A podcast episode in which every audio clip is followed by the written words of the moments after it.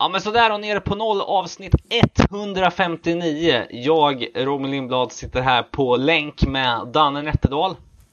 Tjena, tjena! Eh, ingen David Olsson idag, han väljer mjödet före oss, den lille rackaren. Men, eh, Ut och slirar. ja men precis. Men eh, fan, vi har ju varit ute och slirat alla tre en sväng här nu. Eh, direkt hemkomna från en Norrlandssväng.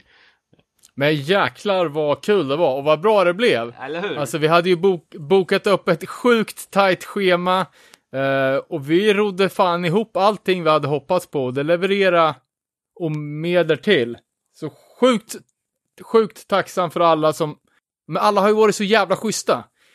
Eh, bjudit in oss till sina hem, gett oss grejer, väntat på oss när vi har blivit sena. Nej, och verkligen bjudit på sig själva, alltså. Ja men exakt, och fan vilken jävla god sample av liksom Norrbotten, Västerbotten hardcore liksom som man har fått här. Det har ju öppnat ögonen både för nya band men också för nya spelställen och liksom eldsjälar som, som driver på liksom i punk och hardcore-svängen upp, där uppe. Och för, fördomen om att norrlänningar skulle vara tystlåtna, den är ju för evigt krossad. För fy fan vad alla har snackat på alltså. Ja men shit alltså. Vi har väl säkert en fem, fem, sex avsnitt i bagaget nu. När vi... Ja, vi gjorde ju nio intervjuer på fyra dagar. Jävlar. Så det var ju hektiskt. Det är sjukt man hör sådär. Vi, eh, det här kom sig ju lite av att vi för typ två år sedan fick ett mail från eh, Bastard där de skrev att de var peppade på att veta lite mer om eh, Luleås hardcore-scen. Det är liksom en ganska osjungen historik där. Och vi, eh, vi var väl aspeppade från början, tänkte att nu jävlar gör vi det här och sen så kom ju pandemin. Eh, och vi har ju fått skjuta på det här liksom fram och tillbaka men äntligen blev det av. Eh, och ja, det är mycket nytt att ta in men också extremt kul att snacka med folk från Breach Raised Fist och Drift Apart och Refused och alltså Ja, det har varit sjukt mäktigt. Så äh, det är mycket, mycket, mycket poddgodis i, i pipen närmsta avsnitten. Eh, vi fick ju också sjukt bra feedback på Örebro-avsnittet. Anders och Matte var ju förträffliga gäster och det, det var ju ett av våra bättre avsnitt hittills skulle jag säga. Och vi fick ju med ganska många förfrågningar på om de här demospåren finns att få tag på. Vi spelar ju upp lite, ja men, eh, rare demo-prylar. Och eh, faktum är att Anders har lagt upp på Nasum-sidan under en, ja men, det är väl en dold länk liksom som man inte når om man inte har tillgång. Så jag tänker att vi kan lägga upp den eh, länken i avsnitts eh, posten på Facebook så kan var och en gå in och ta del av det som finns digitaliserat. För det finns ju mycket jävla fina demos där alltså. Örebro hade ju en magisk era alltså, som, eh, som fortsätter att ge. Och eh, på tal om magiska eror, jag vet inte, eh, jag tror det var igår som eh, eh, Norna släppte sin nya platta va? Eh, och idag ska de väl göra sitt första gig om jag förstod det rätt. Eh, vi tog ju ett långt snack med Thomas Liljedahl, ex Hallbom, om tiden i Breach, om eh, det nya bandet Norna. Eh, Luleås eh, hardcore-scen på sent 80, tidigt 90. Nya bandet Norna, The Old Wind, ja, alltså det är högt och lågt. Mycket, ja det blev fan nästan två timmar långt tror jag. Så att det är bara att ta en kaffe, luta er tillbaka och insupa det som är mannen, myten, legenden Thomas Liljedahl. Eh, har vi något mer att säga eller ska vi rulla intervjun? Nej, men jag tänker att vi, vi rullar så, så är vi tillbaka om två veckor igen med något nytt. Nice nytt. från Norrland. Ur Norrlandspåsen. Ja men det blir svinbra. Ha det gött tills dess Danne och eh, här kommer eh, Thomas. Peace out! And here we go.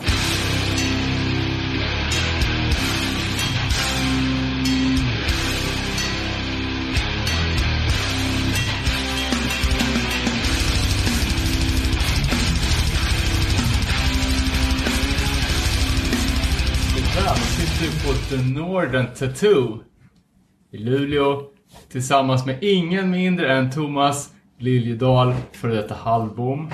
Sweet. Från band som Skimback, Superdong, Reach Out, Better Change, inte helt okända Breach, The Old Wind, Norna och kanske några till. Jag hade ett projekt som hette Pistol Train. Väldigt kortvarigt. Just det. Sen Och har jag och många påtänkta som... Center och... Fast jag, som sagt, jag har knappt någon aning om det där. Ja, internet minns. Ja, äh, sjukt kul! 100 mil hemifrån. Eh, vi har ju en jäkla massa frågor. Eh, och vi ska försöka... Så det har ju skrivits väldigt mycket om, framförallt om Breach.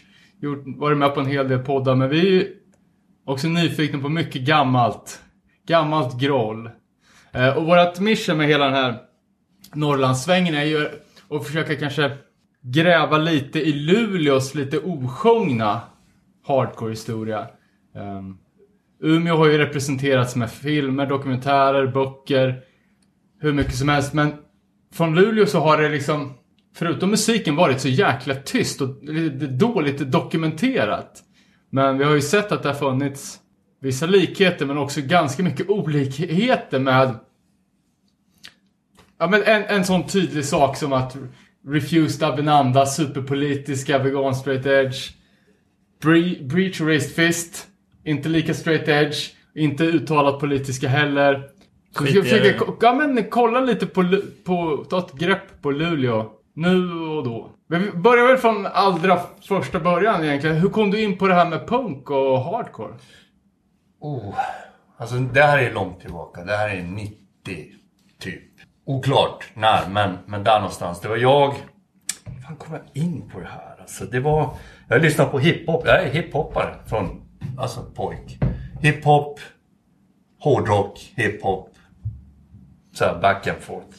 Och så av någon anledning så kom jag över... Det här kommer jag ihåg tydligt. En platta med ett band som heter Youth of Today. We're not in this alone var skivan. Och jag var helt, helt blown away av den här skivan. Då tänkte jag, det här måste jag göra.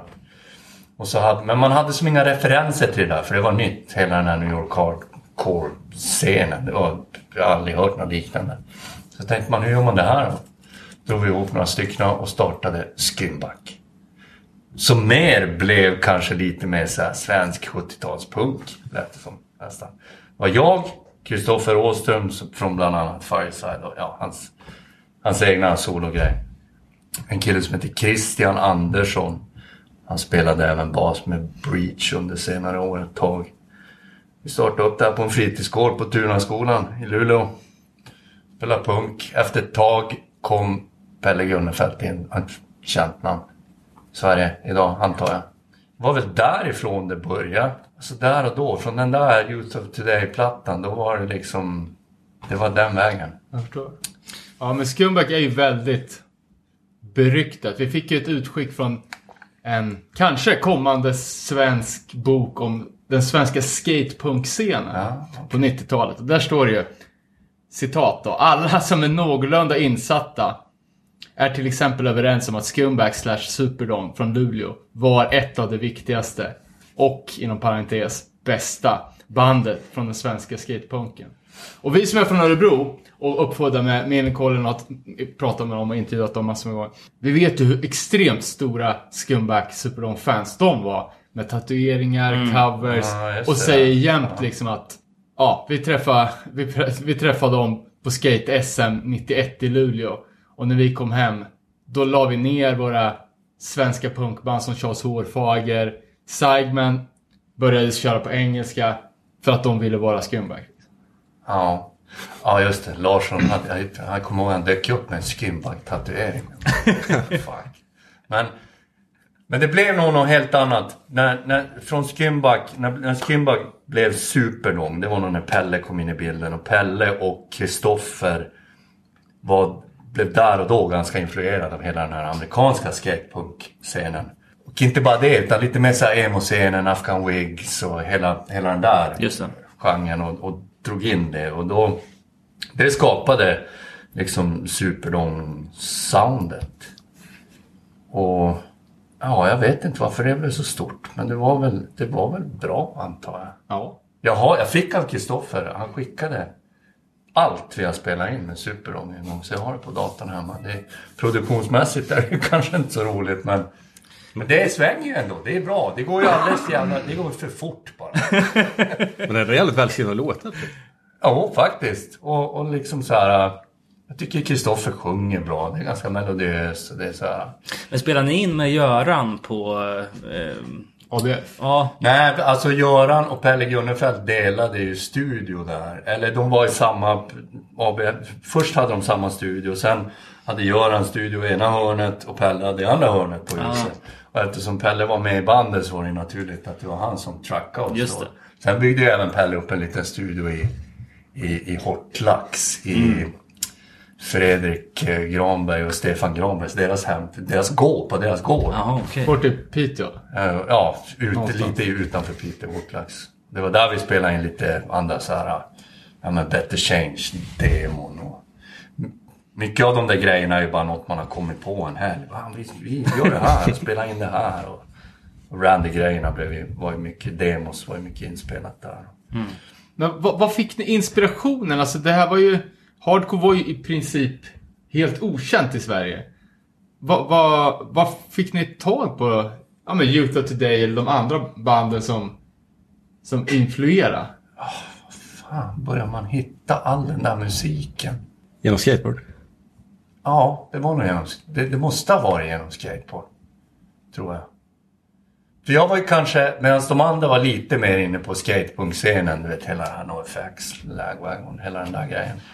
Så var jag nog med New York Hardcore. Det var så här Youth of Today, Gorilla Biscuit, Judge Burn. Det, det var min grej. Även om det inte... De influenserna plockade vi kanske inte in så mycket i, i Superdome, utan det var mer senare. Men eh, för Superdome var, ju- var ju bara skatepunk. Och det var nog det var Kristoffer och Pelle som skrev allt material till det också. Hur fan kom vi in på det där egentligen? Jag vet inte. För, för att, Men det måste ha varit skate. Hela den scenen. Jag kan inte tänka mig att det var någon annan. nej. Men är du eh, liksom musikaliskt skolad från barnsben eller var det bara liksom du hörde Youth of Today nu ska vi också plocka upp instrumenten och göra det här? Liksom. Typ så var det. Jag är, aldrig, jag är inte skolad musiker. Är, eller ja, jag har, jag har utbildat mig trum, trummor lite grann faktiskt. Långt, långt bak så, gick jag lite trumskola. Sådär, men, så jag kan spela efter noter, även om jag aldrig gör det. Nej. Jag spelar inte trummor nog ens. Men, så det var bara att man ville, fan det här är tufft. Ja, Liksom. nu gör vi Vi, det. vi, vi, vi lär oss att spela musik liksom. Men minns du första gången ni stod på scen? Med... Jo, det gör jag. Eller gör jag det? oh, jag kommer bara, jag tänker bara så här. Jag minns första spelningen med Bre- eh, eller ja, hette det, jo vi hette Breach då, vi var en trio. Första spelningen med Skimmark. Ja, men det måste ha varit någon gång början på, på 90-talet.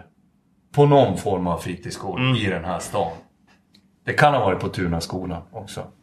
Eftersom det var där vi rep och det var, där vi... Sen, sen är ju allt bara liksom ett... För det var gigs varje helg. Vi hade sånt utbyte med, med städerna runt omkring. Inte minst Umeå. Men, och, och, eh, så varje helg så var man ju någonstans och spelade. Det var liksom varje helg i flera år. Men första spelningen, ah, jag kommer ihåg första spelningen med Breach. Men det här är ju något år efter. Just det. 93 kanske. Men det, det ryktas om en, en inspelad Superdong-LP. Ja. Eller? Nej. Vi spel, eller det blev ju en... Det, jo, fast den släpptes på en demo. Och inte alla låtar kom Ah, med. okej. Och sen så tog stängen längre. Det hade nog kunnat bli en fullängds LP. Den sista demon vi gjorde... Ja, det, var inte ens, en- det var inte ens en full demo. Vi spelade in en massa låtar och vi släppte några styckna. Tror jag. På nå... Jag tror två eller tre låtar hamnade på någon compilation-grejer. Och sen fanns det en massa annat inspelat också. Det skulle bli... Skulle, det var nog tänkt att det skulle bli ett album men, men då började vi som glida isär. Och halva gänget ville göra Kristoffer och Pelle hade kommit in på emo quicksand-svängen. Och, och jag var inte alls speciellt intresserad av det. Jag ville, som, jag ville spela HC. Så, så den, den rann ut i sanden. Men sen tror jag att vi pratade många år efter det om att fan, vi borde spela in det där albumet. Men då var det som så här, hur fan ska det gå till? Svårt att återskapa kanske. Ja, jo, jag ska aldrig kunna spela trummor på det där sättet mer. Jag är för gammal och trött. Men sen startade du ett nytt band. Var, det Reach Out? Ja, det, är- Reach Out var väl som egentligen inte mitt band. Jag blev tillfrågad att vara med. Alltså, under den tiden så var det så otroligt många band. Så man, det var ju enorm inavel. Alla spelar med alla. Och ja men Reach Out eller trummis. Det var en kille som hette Pontus och en kille som hette, vad hette han? Och, jag kommer inte ens ihåg namnet. Magnus. Magnus var ju med också. Han hamnade lite i Refused också där. Han spelade med, med oss också en stund. Kort stund. Med Breach.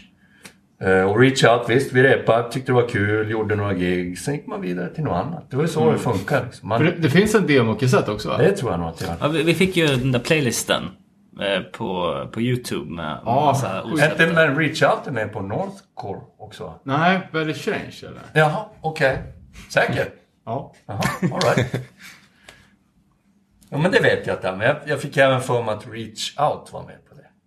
Men det var det inte då. Nej, vi har ju, har ju rotat lite och, och hittat en jäkla massa demos Ja. eh, som en kille har digitaliserat. Okej. Så tanken är ju att vi ska kunna klippa in lite demosnuttar från olika, olika band.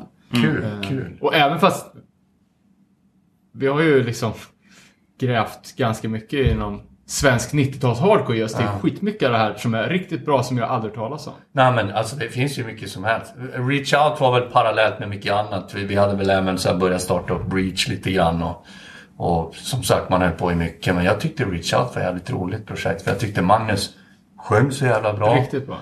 Och, och jag tyckte att de skrev coola låtar. Det här var nog Earth Crisis första platta hade släppts. Liksom. Till, eller för Firestorm-grejen, du vet när, när det gick bort från den här Youth of Today-prylen till att, till att bli vad det blev då. Hela den här straight edge, lite mer metal. Ja, ja men vi såg ett Yo- YouTube-klipp från, det kan ha varit Tuna-skola med, och sen Reach Out. Börja, alltså så sjukt mäktigt Judge-intro. och så Magnus sitter på golvet. Helt stilla. Tänker nu, nu kommer han liksom explodera och döda stället. Han sitter hela, hela introt. Sen kör ni ett eget instrumentalt intro. Han sitter kvar. Sen, till, till, till det blir tredje låten, då kommer han. Men så jävla bra röst alltså. Ja, jag kommer ihåg hans knep för att få den där rösten också. Han åt lite bilpåsar för då fick han ett perfekt slem. bilar, Ahlgrens bilar. Sen var det kanske inte tänkt, det har man ju upptäckt på den tiden så. Sen när man har turnerat så har man ju fått tänka lite mer tekniskt på vad man gör med sin röst. Och där var vi ju inte då. Utan det var ett gig, sen var det ett paj. Trasigt. Man skrek bara liksom. Just det. Fulla muggar. Det var inte snack om någon, någon, någon uppvärmning och ja, hela den där grejen. Tänka på tekniken och hur man andas och stamina. Nej, nej, nej, precis. Som man måste när man är ute i 35 dagar i sträck. Just det. Men det är också en annan sak som vi har märkt att eh, i Luleå-scenen så var det ju ganska blandat på spelningarna i form av olika typer av eh, musik. Alltså dödsmetall, hardcore, punk, krust liksom. Det var liksom... Pop. Ja. Ja men Him precis. Kerosene och Bear Quartet. Just kunde det. vara på samma gigs. Liksom. Kommer ihåg vi gjorde ett stort gig en jul, juldagen eller annandagen. En stor sporthall i Luleå. Vi, det, kom, det var en tid då, det, då man slutade spela i sin hemstad. Men då blev det som att nu ska det bokas. Det var någon som bokade upp det och då var det Fireside, Him Kerosene och vi. Breach. Så det var alltid en salig blandning. Mm. Gjorde även något jättestort sporthallsgig här med Breach, DJ Mendes. Vad coolt. Så jag tror inte att det var här i Luleå var det inte lika viktigt som det var Nej. i Umeå. Det, det var inte lika liksom enkelspårigt. Nej. Men var det 600 pers på en fritidsgård här också? Ja visst, det kunde det vara. Fredag och lördag. Om de tog in så mycket folk. Så det var, det, det var, även om det inte var lika sådär. Umeå var ju helt galet. Men, men vi hade, det var mycket även här. Better Change då? Eh, För det har ju lyfts fram av många som en av de bästa demosar från den tiden. Jag vet att David Sandström till exempel brukar prata om det. här. Det här var det, det här var det bästa från den tiden. Men det är väldigt okänt band. Eh, var med med två låtar på Northcore-samlingen. Och det finns en demokassett som, ja, men som finns på, på YouTube. Eh, men vi träffade Dennis Luxén här för några dagar sedan och han är ju liksom lite av en kalenderbitare. Men inte ens han visste vilka som spelade i Better Change. Det var du och, Pelle. Det var jag, Pelle, Fredrik Granberg. Jaha. Undrar om inte Kristoffer var med på ett hörn också. Okej. Men det var, från grund och botten var det Pelles idé. Jag kommer ihåg när han bodde i en lägenhet här i Luleå. Det var hos hans far. Där han satt och skrev de här låtarna. Så han behövde få ut, ut lite HC Det var något som han ville göra. Ja, ja exakt. Och, och så blev det att, och vi spelade in demon i Fredrik Granbergs föräldrahem i Hortlax i studion som Pelle hade byggt upp. Typ replokal slash studio. Jag, Pelle, Fredrik. Tror Pelle spelade basen också. Om det inte var Kristoffer.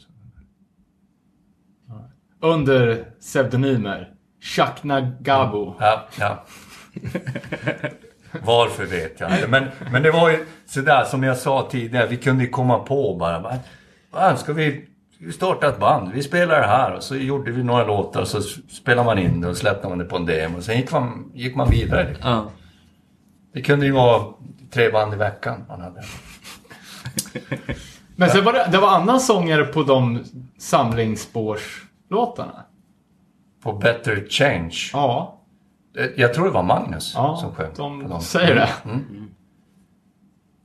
Faktiskt. För där var det inte så noga och liksom vem som gjorde vad. Ah.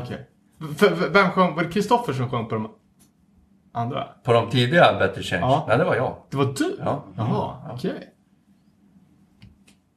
Så... Men det var inte så noga vem som gjorde vad. Vem har tid idag på att göra det här liksom? Kunde du lira gitarr på den tiden? Eh, hjälplöst. Som idag. Alltså, jag, jag är absolut ingen duktig gitarrist. Jag, är, jag, är, jag kan tycka att jag kanske är bra på att skriva musik, men... Men jag är ingen duktig gitarrist på det sättet. Visst, jag kan mina pentatonic-skalor. Sådär, men... men Men du är självförsörjande om du behöver göra en HC-demo? Ja. ja. The Old Wind-plattan som, som jag släppte 2014, den har jag spelat in helt själv faktiskt. Och där märker man ju mina begränsningar, framförallt när jag kommer till bas. Det är ett instrument som är såhär, uff. Man tänker att fan hur svårt kan det vara? Men det är hela liksom batteriet i det. Du vet, basist och trummis. Trummorna kunde jag liksom hantera för jag har alltid spelat trummor. Men där var, märkte jag verkligen mina begränsningar. Sen har jag en kompis här från stan som otroligt duktig gitarrist som hjälpte mig med lite skriva lite arpeggios och pålägg på Dolby-plattan. Men i övrigt har jag spelat in det själv. Nej men det är sant. Better Change fick någon form av sådär Wow, vad är det här? Och vi märkte väl det lite grann även om vi inte la någon stor vikt i det. Det var bara en grej vi gjorde en helg och sen gick man vidare till något annat. Och det var där jag trodde att vi kom på att vi ska nog bara vara lite hemliga med det här. Därav aliasarna och så. Och så släpptes den och den lyssnades på och sen dog det. Sen var det något nytt liksom. Och det har varit Bridge, det nya. Nej, det annat? ja, men det, det, super, det var Superdong som... När vi delade på Superdong så blev Ja, det, det, det var, de fanns parallellt? Ja, ja. Okej, jag förstår. Det, alla band fanns du, som jag sa, inaveln var e- enorm här. Vi hoppade med, vi hade så många projekt igång samtidigt. Och, och, och det var väl Superdong när vi var som, när vi spelade som mest med Superdong. Då kunde man ha någon så här reach out gig där och Förband till sig själv. Ja, typ. En sån. Och så... Eh, när vi var typ etablerade skatepunk, liksom ett skatepunkband och spelade mycket och det började ta lite fart och sådär. Då var det då vi ledsnade lite grann på varandra och på det vi gjorde. Kristoffer och Pelle ville spela, spela Quicksand och, och jag ville göra något annat. Så då, då blev det vi, så här. Två pers gick dit, två pers gick dit. Just det. Blev det de här, alltså på den tiden så var det ju många band, som, i alla fall Millen och sådär, som gjorde hundra datumspelningar genom Sverige. Liksom. Alltså så här, Ja. tre fritidsgårdar där och vidare till nästa stad. Och så. Gjorde ni det här med Superdome också?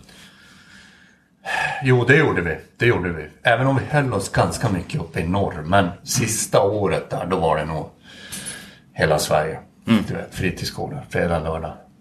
Det gjorde vi även med Breach. Jag kommer ihåg, jag pratade med Per om det. Vi hade ett, under ett års tid så spelade vi varje helg.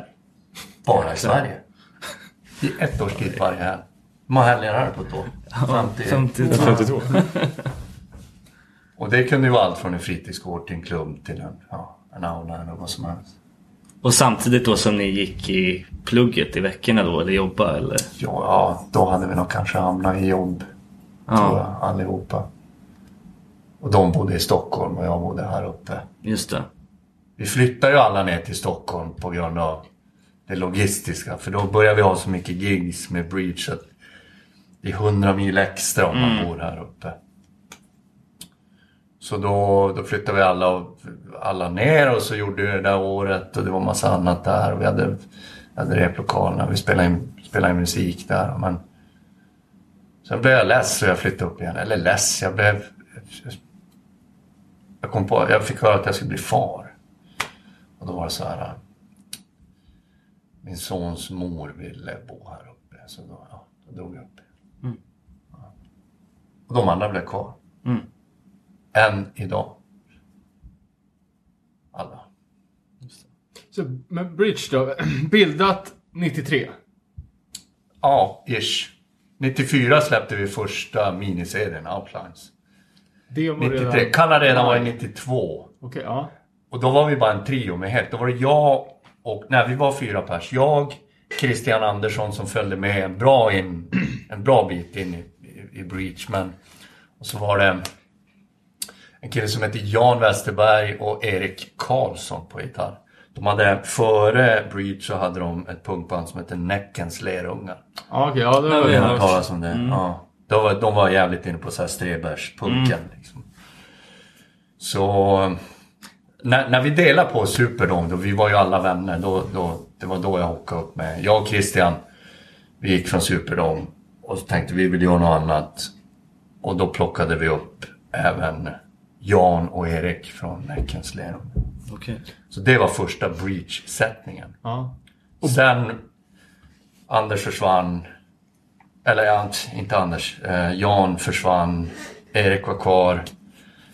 Eh, fan blev det? Anders och Niklas. Anders kom in först och sen kom Niklas. Och trummisar har ju varit lite fram och tillbaka. Per och Thomas.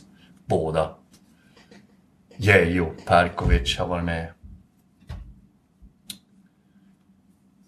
Ja, hur många trummisar har jag? Ja, tre. Pelle Gunnefelt har spelat på någon turné, trummor Okej. också. När ingen annan kunde. Okej. Ja, För Bri- Bridge-demo släpptes ju eh, av Burning Heart på den här Signed for Life demosamlingen. Om Ja, just det. Mm, mm. Ehm, Så de det var lå- nog den första sättningen tror jag. Möjligtvis, ja. Eh, Möjligtvis att vi hade plockat in Anders då och jag hade slutat spela gitarr. För jag spelade gitarr och sjöng först. I början, ja. Ja. Men hur kom ni i kontakt med Burning Heart? Ja. Var det, de som sökte upp er? Nej, eller hur var det egentligen? Men det var ju hela den där skatepunkeran och alla kände alla och liksom, om det var de som, man skickade runt demos. Om det var de som kom i kontakt med oss eller tvärtom, det vet jag inte. Jag tror att de hade lite koll på den här superdome-svängen. Och, och vad som hände av oss andra efter det. Och Mm. Burning Heart var ju the shit liksom då. Det var ju... Jag menar alla andra små, Dolores och alla de här, de hade ju som inget, de hade ju inte alls den, det var inte alls den magnituden som, som Burning Heart lyckades skapa. Ja, för alltså, när man tänker på, på det, man liksom att ja, demokassett ska sälja, få dra uppmärksamhet till bandet, man ska kanske få ett skivkontrakt. Bridge-demon är helt svart. Ja. tänker Metallica gjorde det på sin femte platta, Beatles gjorde sitt White Album. Men eh, det är ganska... Det är lite annan mentalitet om man gör en, en det, eller det är ju ett statement liksom att det här är något annat. Men jag tror att många av oss var lite så här, det var ju, det var ju så jävla mycket image där och då också. Hela den här straight edge hardcore scenen, det var ju så mycket, otroligt mycket image och, och hela den här politiska grejen och, och, och liksom, jag tror att vi var, vi var, några av oss var lite anti det där. Och, och det, jag tror att det är ganska mycket det som skiljer Umeå-scenen från Luleå-scenen. Vi var med så här vet, så här proletärer från, från arbetarklassen som, som du vet, ville dricka rödvin och spela, spela äkta och vara äkta liksom. Och, och image var, var inte så, vad vi hade för, för tröja och brallor på oss. Det var... Även om vi kanske föll in i det där så, så var vi nog, ville vi nog vara ganska emot det. Därav kanske ett svart omslag på en demo i, i hela den här... Liksom. Nej, för det känns ju lite kontraproduktivt. Ja, ja, ja. men, men det, har, det har vi alltid varit. Alltså samma med Breach. Jag vet att jag fick en... Eh, vi gjorde en split. Årtal, fråga mig inte. Det är alltid det är en del av den här resan som är ganska suddig. Men eh, vi gjorde en split med ett band som heter Regression. Regression. Och då var det så här på baksidan stod det ett e-mail från Luger, vårt management, till bolaget. Skip the breach lyrics. Och jag har, det har jag alltid varit, inte emot, men det har inte varit så noga för mig att ha texter med på ett album. Tycker att det har varit ganska, alltså egentligen, tycker inte att det har varit nödvändigt för, för fansen att läsa mina texter. Det är, ju- det är mina. Uh, demon är ju liksom... Det är ju så, såklart en jäkla skillnad mot vad Breach kommer att bli senare. Men det är fortfarande väldigt unikt redan från start. Vad hade det egentligen för influenser på den tiden? Så då hade vi så, vi hade ju så breda influenser i alla- till skillnad från de som kanske startade upp band i Umeå. Vi lyssnade ju mycket på, alltså jag var inne på New York hardcore-scenen och det var kanske lite skatepunk-influenser kvar. Sen hade vi mycket inspiration från Chicago-scenen, Shellac, Slizzard, Lizard, all, liksom Sonic Youth. Vi hade väldigt breda, vi lyssnade på, på väldigt mycket och jag tror att alla de här grejerna, det kan man framförallt höra i tidiga Breach-plattorna. Mycket av den här Chicago-inspirationen. Ja, okej. Ja, vi lyssnar mest på dem. Chicago, Screeching Weasel Punk, Ja, ja. Pegboy.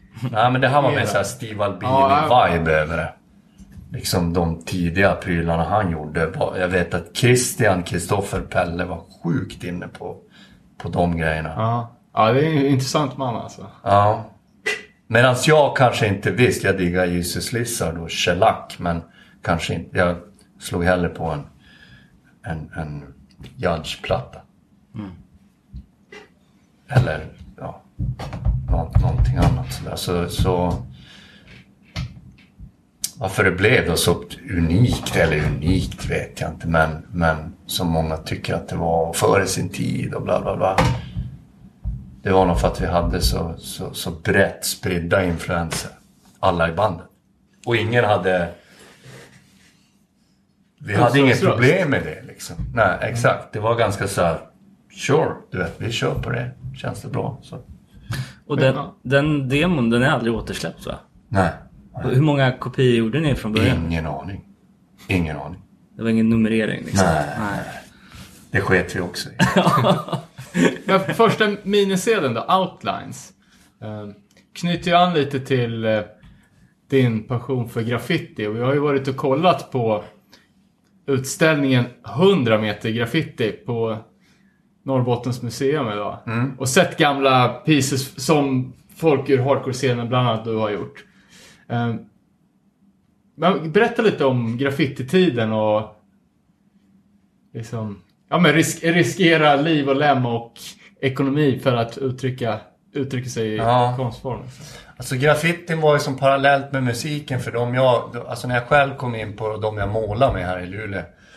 Eh, de, vi alla var ju liksom, vi, vi älskade musik och det var allt från så här mycket punk, mycket Bad Brains och och ja, en av killarna som jag målar med, det var ju hans, han har gjort alla Breach-omslagen nu till exempel. Pierre. Ja, ja. Därav kanske lite graffiti-influenserna. Jag och han var liksom på samma linje. Och vi stod och målade i tunnlar och lyssnade på punk i våra lurar. Det var, det var, det gick hand i hand det där. Också en annan ganska intressant grej. Jag och mina graffitipolare och Pelle. Som jag sa, vi, vi startade upp ett band en dag och la ner det dagen efter. Vi gjorde vi, vi, vi startade ett band som hette Blandad. Och det var, det var för att en, en, en skatepolare till oss härifrån han, han hade sett ett kassettband som det stod blandad på. Han bara, vad fan är det där för band? Det där vill jag. Och så hade han slagit på det och så tyckte han det var skitbra. Fan det här bandet Blandad. Jävla bra band. Då startade vi upp Blandad och så hade vi typ så här Bad Brains-loggan. Vi, vi snodde den, rippade den och gjorde Blandad. Eller om det var Run DMC-loggan, jag kommer inte ihåg. Och jag Pelle och så var det en, ja, Pierre. Som, eh, han skulle spela bas. Han hade rört ett instrument i hela sitt liv liksom. Och så, och så la vi ner det dagen efter. Men musiken och, och, och graffitin gick väldigt hand i hand. Hela tiden där. Och sen så... Sen blev det väl mer att, att, att man höll på mer med musiken än graffiti. Jag förstår. Nu för tiden målar jag inte mycket. Det är länge sedan. Men nu tatuerar du å andra sidan? Ja, jo, det är ju... Ja. Nej, men kul för vi, så, vi såg, det står ju i, i, liksom i credits på skivan. Slak och punk. Och det är så att vi hade era tags. ja, precis. Var, det, var det du och Pierre eller? Det är jag och Pierre. Okej. Ja. Pierre är fortfarande slak. Jag är fortfarande är Sista, sista gången jag skrev det, det är nog väldigt länge sedan. Jag kan inte ens komma ihåg när jag målade sist. Jo, det var någon en sommar, ett lagligt plank här i Luleå. Sex, sju, åtta år sedan. Ja, men vi funderade på om vi skulle åka runt och kolla lite efter de där tagsen här i stan. Men vi visste inte riktigt vart vi skulle börja. Var det liksom något speciellt ställe som ni... Ja, alltså här under bron här. Ah, okej. Det är ett riktigt sånt här ställe. Men det här med grafen, det har ju kommit upp så, så mycket. Alltså en helt annan graf-generation efter oss. Som är helt galna, som målar mer och hårdare och tyngre och bättre än vad vi någonsin gjorde. Vi var de första. Ja, du ser, kolla. ja, det där är ju där under. Så jag kommer inte ens ihåg alla målningar som vi gjorde. Ja, men om man ska prata lite mer om outlines då. Jag tänker på hur, alltså märkte ni av att det började ta fart där efter att ni hamnade på Burning Heart och liksom släppte den plattan och kunde börja turnera mer och mer eller? Ja men då var ju hela den scenen, var ju skatepunk, HC, hade ju bara exploderat. T- tack vare Norrland skulle jag vilja säga. Det fanns ju lite grann söderöver men det var inte... Det, det kom väl lite så här eftersläpandes. Alla de andra banden som hamnade på Burning Heart. Men eh, det var ju bara följa med the ride från vänster. Från Outlines-plattan och då hade lite andra influenser kommit in också. Då var det lite mer så här. Eller då, Outlines-plattan, då var det mer så här HC, New York HC.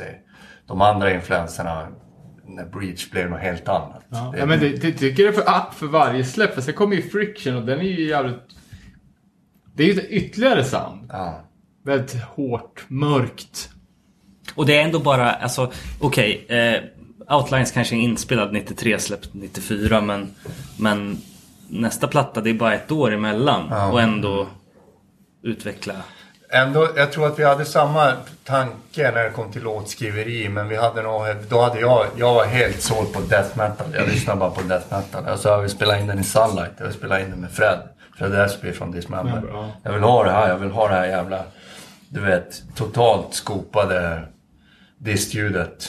Som alla, som en ton och HM2. Dismember. Ja, HM2 på järnet liksom. Och täppa fast en femkrona på skinnet. Det skulle klicka, det skulle trigga, det skulle vara... Då ville jag ha det soundet. Och då blev det, det är därför Friction låter så. Med våra så här Earth Crisis-influenser samtidigt. Den du skrev ganska ganska, mycket på Friction va? Jo, jag skrev, jag skrev nog allt, typ allt material på Friction och även... Jag skrev nog en, stor del av It's Me God-plattan också. Även om, om Anders hade, hade väldigt stor del i den också att göra. Men någonting, alltså från Friction till It's God så måste det ju ha, ha hänt någonting hemskt. Hur tänkte ni liksom? Vad ville ni uppnå när ni började skriva It's God? Ja, men då hade vi nog, då, då hade vi nog börjat som segla iväg från den här uh, HC-världen lite grann och vi hade breddat våran musikinfluenser väldigt mycket. Det är framförallt där man kan höra influenser från, som jag sa tidigare, Chicago-scenen och, och, och, och liksom annan typ av rock. Jag tror jag hörde liksom Slint-plattan första gången då. Och där tog nog mycket Anders över skrivandet. Jag höll mig till texterna då. Ja. Jag fick för mig att jag läste att ni hade varit på tour med Neurosis. Det var 90... Det kanske var efter. Ja, det var, det var 98. Det var 98. På nästa platta? ja. Ja, då hade vi nog släppt Venom.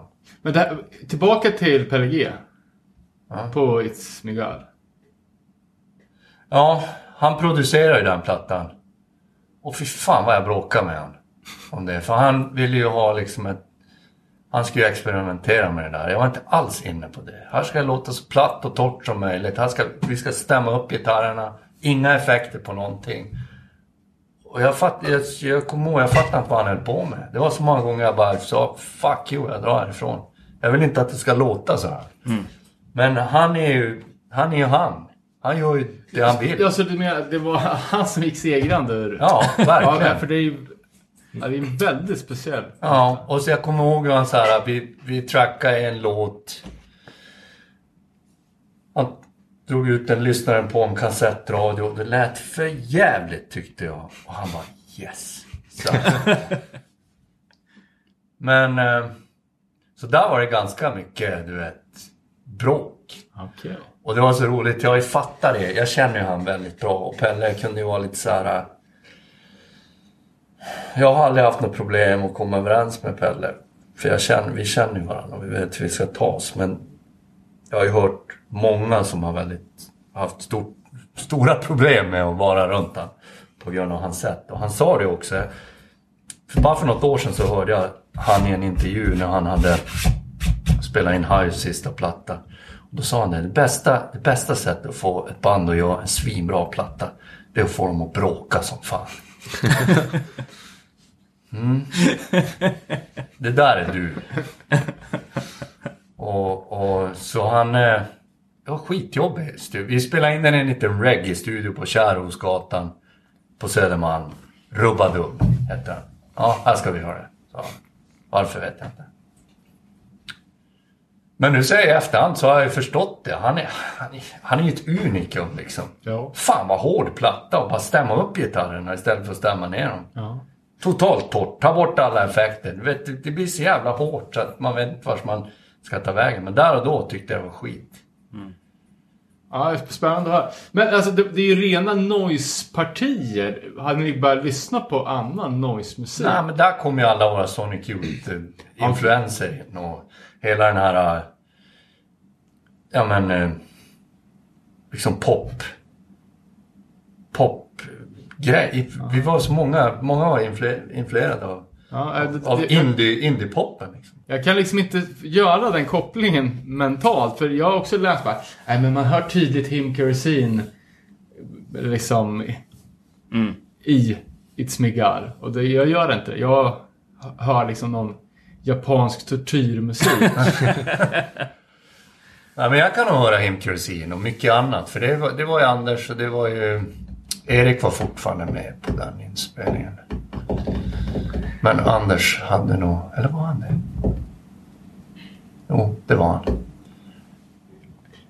Men det, det måste ha känts lite tufft att åka och supporta en sån platta som man där och då inte... Eller kom man Nej, över där när man såg publikens Jo, nej men ändå inte. Alltså missförstå mig inte. Jag gillade låtmaterialet. Jag tyckte låtmaterialet var jävligt bra. Jag tyckte bara att produktionen på plattan var skit. Sen att framföra den live, då blir det ju fett som helst. Så det, det var bara kul. Vi spelade mycket på den här skivan också. Den och Venom-plattan turnerade vi väldigt mycket på. Och, men, men just jag kommer ihåg studio. Jag har all, aldrig gillat studio. Eller. Det har varit fan psykiskt påfrestande för mig. Det har bara varit ett ont måste. Även när ni klev, klev in i Sunlight. Jag tänker om du var helt uppe i den typen av döds och får in foten där liksom. Alltså, Ja, men jo, men ändå. Men det hade nog att göra med mina egna prestationer. Då var ju låtmaterialet färdigt. Det var nog Ja, mycket okej. sådär mina egna och deadlines. Och vi måste fixa det här där och då. Och jag vill liksom bara supa och härja. Mm. Spela punk. ja. Och så skulle man prestera helt plötsligt. Ja, det var, det, jag tror nog att vi alla... Det var lite det som var, blev lite våran clash i bandet också. För Anders, han började mer och mer inte tycka om turnerandet. Men han älskade att skriva musik och sitta och leta i dagar efter ryska plugins liksom. Och det var hans grej. Medan jag var tvärtom. Jag hatar studio och jag vill spela live. Så vi hade... Det var väldigt spretigt där och vad vi ville och vad vi... Och det blev, ja, det blev som det blev. Men jag tänker i studion. Man hör ju ganska en, en skillnad från de gamla plattorna och framåt nu. Liksom din sångstil. Förut var det mer traditionell hardcore-sång. Det är lite utdraget på sista liksom. Men nu är det ju avgrunden liksom hela tiden. Hade du ändrat tekniken? Alltså, jag vet, ja, alltså jag vet, jag, Ibland kanske jag väl tänkte att ja, men nu ska jag försöka göra något mer dynamiskt här. Nu ska det vara liksom, nu ska man höra en melodi i det, jag- det jag gör. Och sen när jag kom in på... Jag menar, jag är ju influencer när det kommer till sång. Jag tycker att världens bästa sångare är- Scott, Scott Kelly från Neurosis. Och han har inget högt pitchat skrik. Han ryter ju bara. Han pratar ju bara. Och jag blir ju rädd varje gång jag hör honom. Det är så enormt jävla farligt. Jag tänkte det här, här hit vill jag. Så då tar jag ner min pitch lite grann. Och så prövar jag det här. Och, ah, kändes inte riktigt bra. Sen var det också att jag började komma in på det här att jag måste tänka på hur jag sjunger. Och jag gick till sångpedagog och jag lärde mig andas rätt. Och, det här och, och där automatiskt så blev det att jag började använda stämbanden mindre. Började liksom använda mage och luft mer. Vilket ändrade min sångstil lite också. Så det var mer att för att den ska hålla så måste den låta lite annorlunda. Du kan inte trycka på som du har gjort. Ska du, jag menar, ska du skrika tekniskt bra så ska det inte vara högre än en gäspning det man trycker på. Så mycket ska man trycka. För det låter ju som att du sjunger väldigt starkt. Ja, men det gör jag nog fram till kollapsplattan. Typ. Venom kanske jag hade börjat ändra det där lite grann. Så det var både så här att jag ville kanske medvetet få in lite mer dynamik i det plus att jag började tänka på, på att min röst inte skulle gå sönder, att jag inte skulle göra illa mig. Och det, det gjorde nog en liten förändring i det också. Nu har jag ju nu vet jag vart jag har min röst idag. Och, och jag skriver ju musiken efter min röst. Eller liksom visst, nu, okej vi droppar ner till A för där har jag en perfekt harmoni med min röst. Jag försöker inte anpassa mig efter, utan jag är där jag är. Förstår. Och, och har en helt annan sångteknik idag än vad jag, vad jag hade då. Nu är det gäspningar. och så låter man micken och effekterna göra jobbet istället. Men, men det är kul för jag, ungefär här så hade jag börjat jobba på Burning Heart mailordern. Okej. ja. Eh, och sålde skivor högt och lågt. Och nästan den vanligaste frågan som vi fick som vi aldrig kunde svara på var ju eh, Jag älskar Breach. Jag vill rekommendera någonting som låter likadant. Och det kunde vi. Vi hade liksom inget svar på den frågan. Nej. Och jag vet jävligt många av mina kompisar, mina absolut närmsta kompisar och bandpolare har ju varit sådana så sjukt stora Breach-fans. Alltså det var ju en... Sa- samtidigt som jag vet att, att eh, Breach ofta lyftes upp som exempel på Burning Heart. Om det någon gång var att det kändes som att de gjorde någonting som var lite sellout. Då kunde de alltid ta fram det här trumfkortet Breach.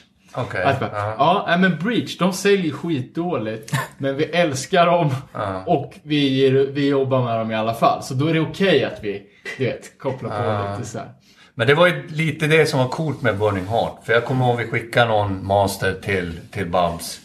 Han fattade ingenting. Vad fan är det här? Men coolt, vi kör. Ja. Vi fick göra vad vi ville. Och vi gjorde verkligen det också. Vi har, jag tror det är därför... Jag har aldrig förstått, om man ska vara helt ärlig, jag har aldrig förstått den här storheten i Breach. Jag, man kanske blir hemmablind eller vad det heter. Men eh, jag tror just att vi inte... Vi skrev den musiken vi ville, med de influenser vi ville. Vi gjorde vad vi ville, när vi ville. Och inte liksom följde, vi hoppade inte in i ledet och följde efter. Och det var väl därför det kanske folk kanske tycker att det var lite före sin tid. Och jag menar kollapsplattan med Breach, det var ju ingen som fattade den från början. Inte ens jag heller, det är bara ett experiment. Det var, var Anders och Per som började jäma ihop ute i skogen liksom. Med percussion-trummor och... Men det var ändå...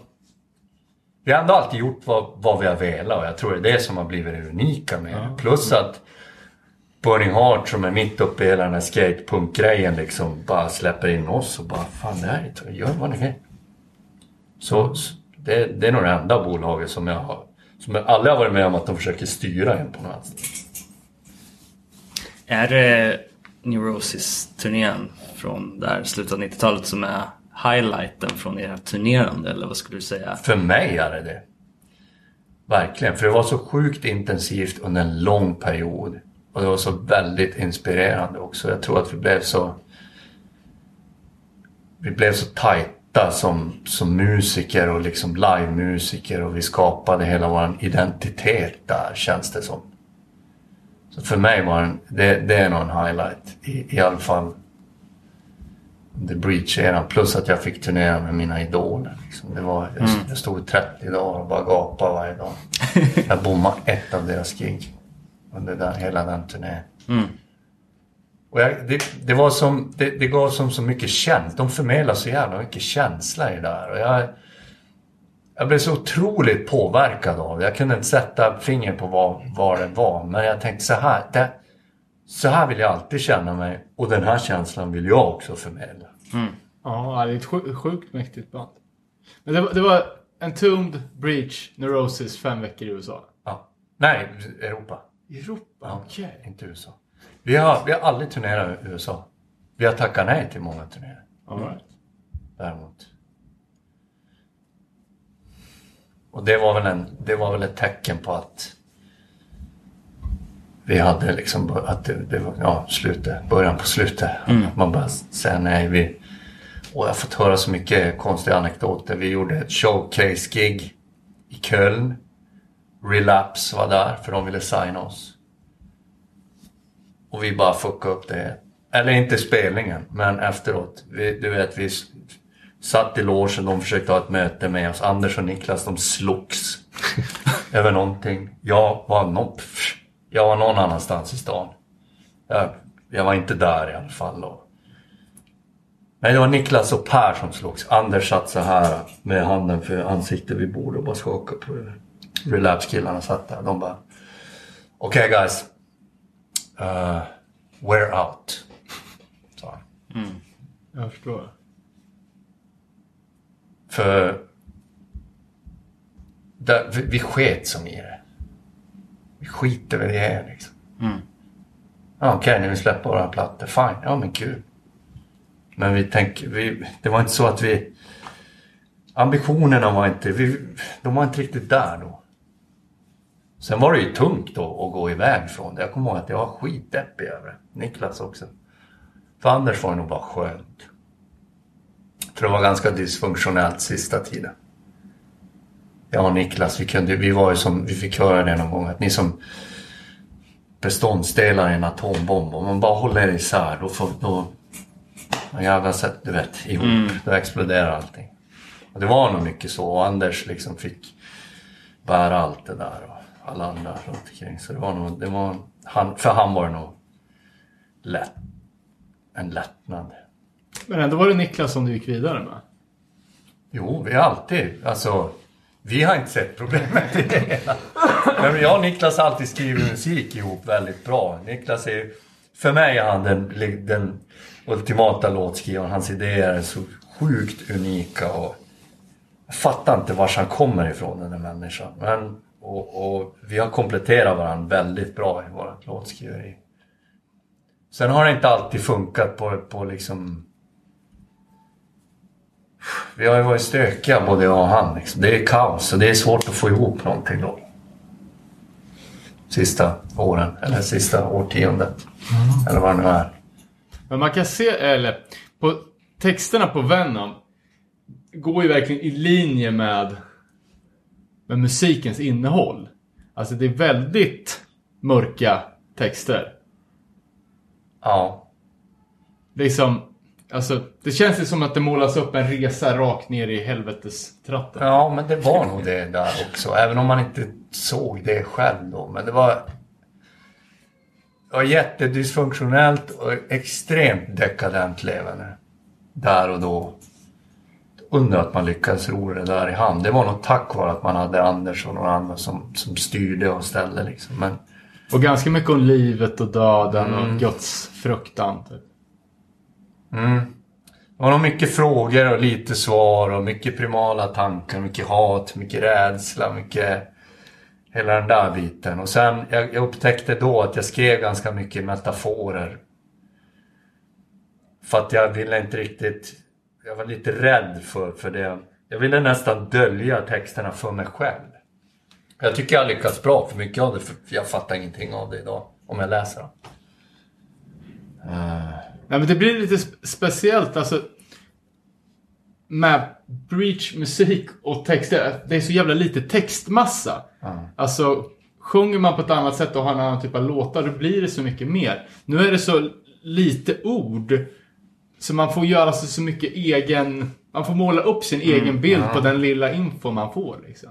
Men det tycker jag är bra. Det har jag sagt också ja. i många intervjuer. Ja, men när de ska börja analysera sönder saker. Och Fuck it, det är rock'n'roll liksom. Det är vad det är för dig. Och så är det vad det är för mig. Ja. Det är så svårt om man ska börja...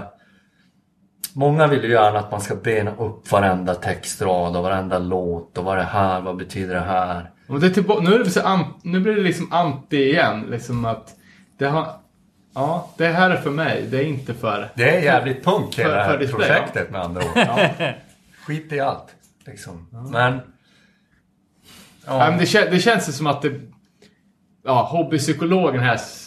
Jag skulle gissa att ni inte mådde så bra. Eller om det är, det är bara dina texter. Ja, men jag upplevde att jag mådde bra, men jag gjorde inte det. Alltså jag, som, jag levde, det var mycket droger och mycket sprit och mycket var, det var mycket som inte fungerade. Ja, jag, jag tyckte att det var ball då, men de runt omkring mig tyckte ju inte, det, det funkar inte liksom. Så, men musiken, ja. alltså, intress, alltså intresset för musiken fanns ju ändå där. Vi gjorde det vi gjorde och även där så var det så här. Vi, vi, vi skiter väl i vad andra vill, vi skriver vad vi vill och vi har aldrig... Även om vi har haft mycket konflikter i bandet så har det inte varit över musiken. Mander skriver det där som är jätteinfluerat av Sonic Youth eller vad det än är. Fan vad coolt, vi kör på det. Vi har alltid varit väldigt öppna där. Och sen blev det ju också en helt annan grej för att jag klev ju av från låtskrivande helt och hållet efter It's Me God. Och då blev det ju naturligt en annan sak. Då var det Niklas, Per och Anders som skrev musiken och då de hade ju lite andra influenser än vad jag hade. Och, och som kollapsplattan, jag kommer ihåg den när den släpptes att jag hade som hade lite svårt att relatera till den. Vilket mycket andra hade också. Det var många som inte fattade. Den var ju verkligen före sin tid har jag, har jag fattat. Sen hör man så band som var någon podcast som Isis och, och hade det inte varit för kollaps hade det inte varit det vi är mm. idag. Och, och, jag, jag, jag, har aldrig förstått storheten idag. Jag kan lyssna på den idag och, och, och, och, känna värme och fan vad bra det här är. Liksom, fan vad, och tycka att det är bra. Men, men där och då så var det nog inte, jag kände mig inte så involverad i det jag, jag har förstått det. Eh, jag, jag, jag sa det till Per när jag pratade med Per. Jag kommer knappt, jag var, du vet jag höll mig därifrån, jag kom in och la på sång och så drog jag därifrån. Så kände jag mentalt. Men han bara, nej, nej, nej, det var inte alls så. Du var där mycket. Jaha, var jag? Mentalt så har jag känt efteråt att jag var inte alls där. Försökte till och med lobba bort jobbet åt andra. Patrik Instedt från Nej och Brick och Sekt och vad de nu heter nu för tiden. Han bara, här, sjung den här låten. Ja, men han gör ju coola Ja. instick alltså. Men det är också ett tecken på att vi tyckte han var cool. Och det här kommer ju alla hata och ingen kommer fatta någonting. Men det skiter ju vi i. Liksom. Bara plocka in andra och alla de här... Det är ganska okommersiellt att börja liksom spela lite mer dansanta, instrumentala grejer som, som finns på den plattan. Men det var Anders och, och Pers jam sessions. Där och då skulle vi inte göra någon mer platta men men det var, Burning Heart var lite på oss då. Och sa, kom, en till. Ja, men vi gör det då. Men ja, en, en grej som jag tänkte på i, veckan nu bara när jag lyssnade på den på Spotify. Att, vet, vet du att omslaget ser inte riktigt likadant ut som på skivan? På, på Spotify eller? Ja. Nej, det har jag inte tänkt på. Eh, Hur ser det ut? ja, men omslaget är ju grått med ett vitt flygplan. Ja. Eh, och det här släpptes, den släpptes 2001. ja. Väldigt eh, kontroversiellt på den tiden, 9-11. Eh, och Det nu, där har man fått frågor på kan jag säga. men nu är liksom pla, planet är mindre och kontrasten mellan det vita i planet och det gråa i bakgrunden är mycket mindre. Så att det där planet syns knappt. Undrar om de har gjort det? Det verk, och samtidigt som att logon som är i någon röd ton, den är lite större än vad den är på, på serien. Det har jag inte tänkt på. Nej, så det känns ju som att någon har liksom försökt... Det, det är Epitaph då som har lagt upp det antar jag eller? Ja, det är de som äger rättigheter. Ja. Alltså det är antagligen. Så, ja, men det kan ju vara någon sån där efterkonstruktion. Det finns lite andra omslag på den där plattan också. Testpressarna hade ett Okej. annat, en annan layout och ett större flygplan som såg ut mer som en pinstriping och lite mer otydligare. Det var inte lika tydligt. Är det- grej det där. Alltså Pierre som gjorde det där Ja, omslaget. han gjorde den också. Ja. Och, och de här två bergen på baksidan och planet som kraschar. Det, ser, det är så jävla sjukt. Att, hur kunde det bli så liksom? För det gjorde han ju innan det här. Det gjorde innan inträffade. också. Ja. Vad sjukt. För att vi har ju snackat med, eh, med Brolin från, från Within Reach. Ja. Eh, de gjorde ju merch med eh, flygplan som åker in i skyskrapa två veckor innan de skulle åka på Europaturné. Oh. Med, ja, innan, eller ja, för en Europaturné två veckor innan det hände. Så de hade också liksom varit inne på det där temat ofrivilligt.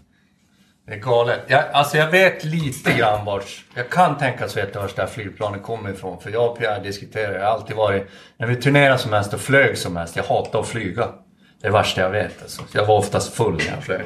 Det var mitt sätt att bedöva det. Tisdag som söndag. Det spelar ingen roll. Uh, för mig att det är någon låt på någon platta som heter Arm Slice också. Bara för att jag fick alltid panik när de sa Arm Slice. Det betyder att de säger, de har någon, de säger någonting, arm slice, när man gör något med dörren för att säkra att nu är det dags att dra. Aha. Eh, och jag tror att han fick idén med flygplanet från det. Att, att, jag, att jag inte gillade att flyga. Men att det skulle bli sådär. Liksom. Ja. Ja. Sjukt. Men det är också för att bridgemusik, stenhård, texterna stenhårda, men omslagen, alltså man skulle kunna ha haft mer drakar och demoner. Men det är samma där. Vi, på samma sätt som vi har gjort vad vi har velat med musiken och och, och, om någon har kommit med något till bordet så japp, vi kör på det där. Vi, samma med Pierre. Gör din grej. Liksom. Och han kommer från graffen och sen in på reklambyråerna och blev väldigt grafisk i sitt designande. Och då blev det så. Och, och vi har aldrig, vi har aldrig egentligen ifrågasatt de grejerna. De, om man ser på Kollaps så det kanske inte ser mer ut som en så här underground drum and bass-platta från London kanske. Eller någonting. Ja, men, och jag kan tänka mig att det är många som jag som har kollat på Venom liksom. Och försökt läsa in, du vet, här kommer demonen Ah. upp i mörkret. Och sen bara, nej men det var en Det är spackelspade. Jag har fan alltid trott att det är en gubbe. Ja, ja men det har vi all- alla. Så det är så genialt för att det är så nära. Så man ser inte träden för all, all skog. liksom. Nej, exakt. Det är en liten skugga i spackelspaden som är en, en, en, en skulptur som han har gjort som var med också. Men det var egentligen det var inte att han försökte återskapa någonting utifrån det vi skrev och gjorde. Han ville bara göra ett, konst, ett, liksom ett konstverk. Och här, här. Han har även gjort Norna-layouten nu också. Där styrde han lite mer, fast ändå inte. För han lyssnade på låtarna och han liksom, vi pratade mycket om inspelningssessionen som vi hade i Schweiz och i Alperna och berg, det är mycket berg och jag har no, jag har någon jag vet inte, jag har någon sån här spirituellt uppvaknande. Jag, jag har någon grej för berg. Eh, och då ville han plocka upp det så väldigt subtilt så på omslaget på den så är det berg och sten.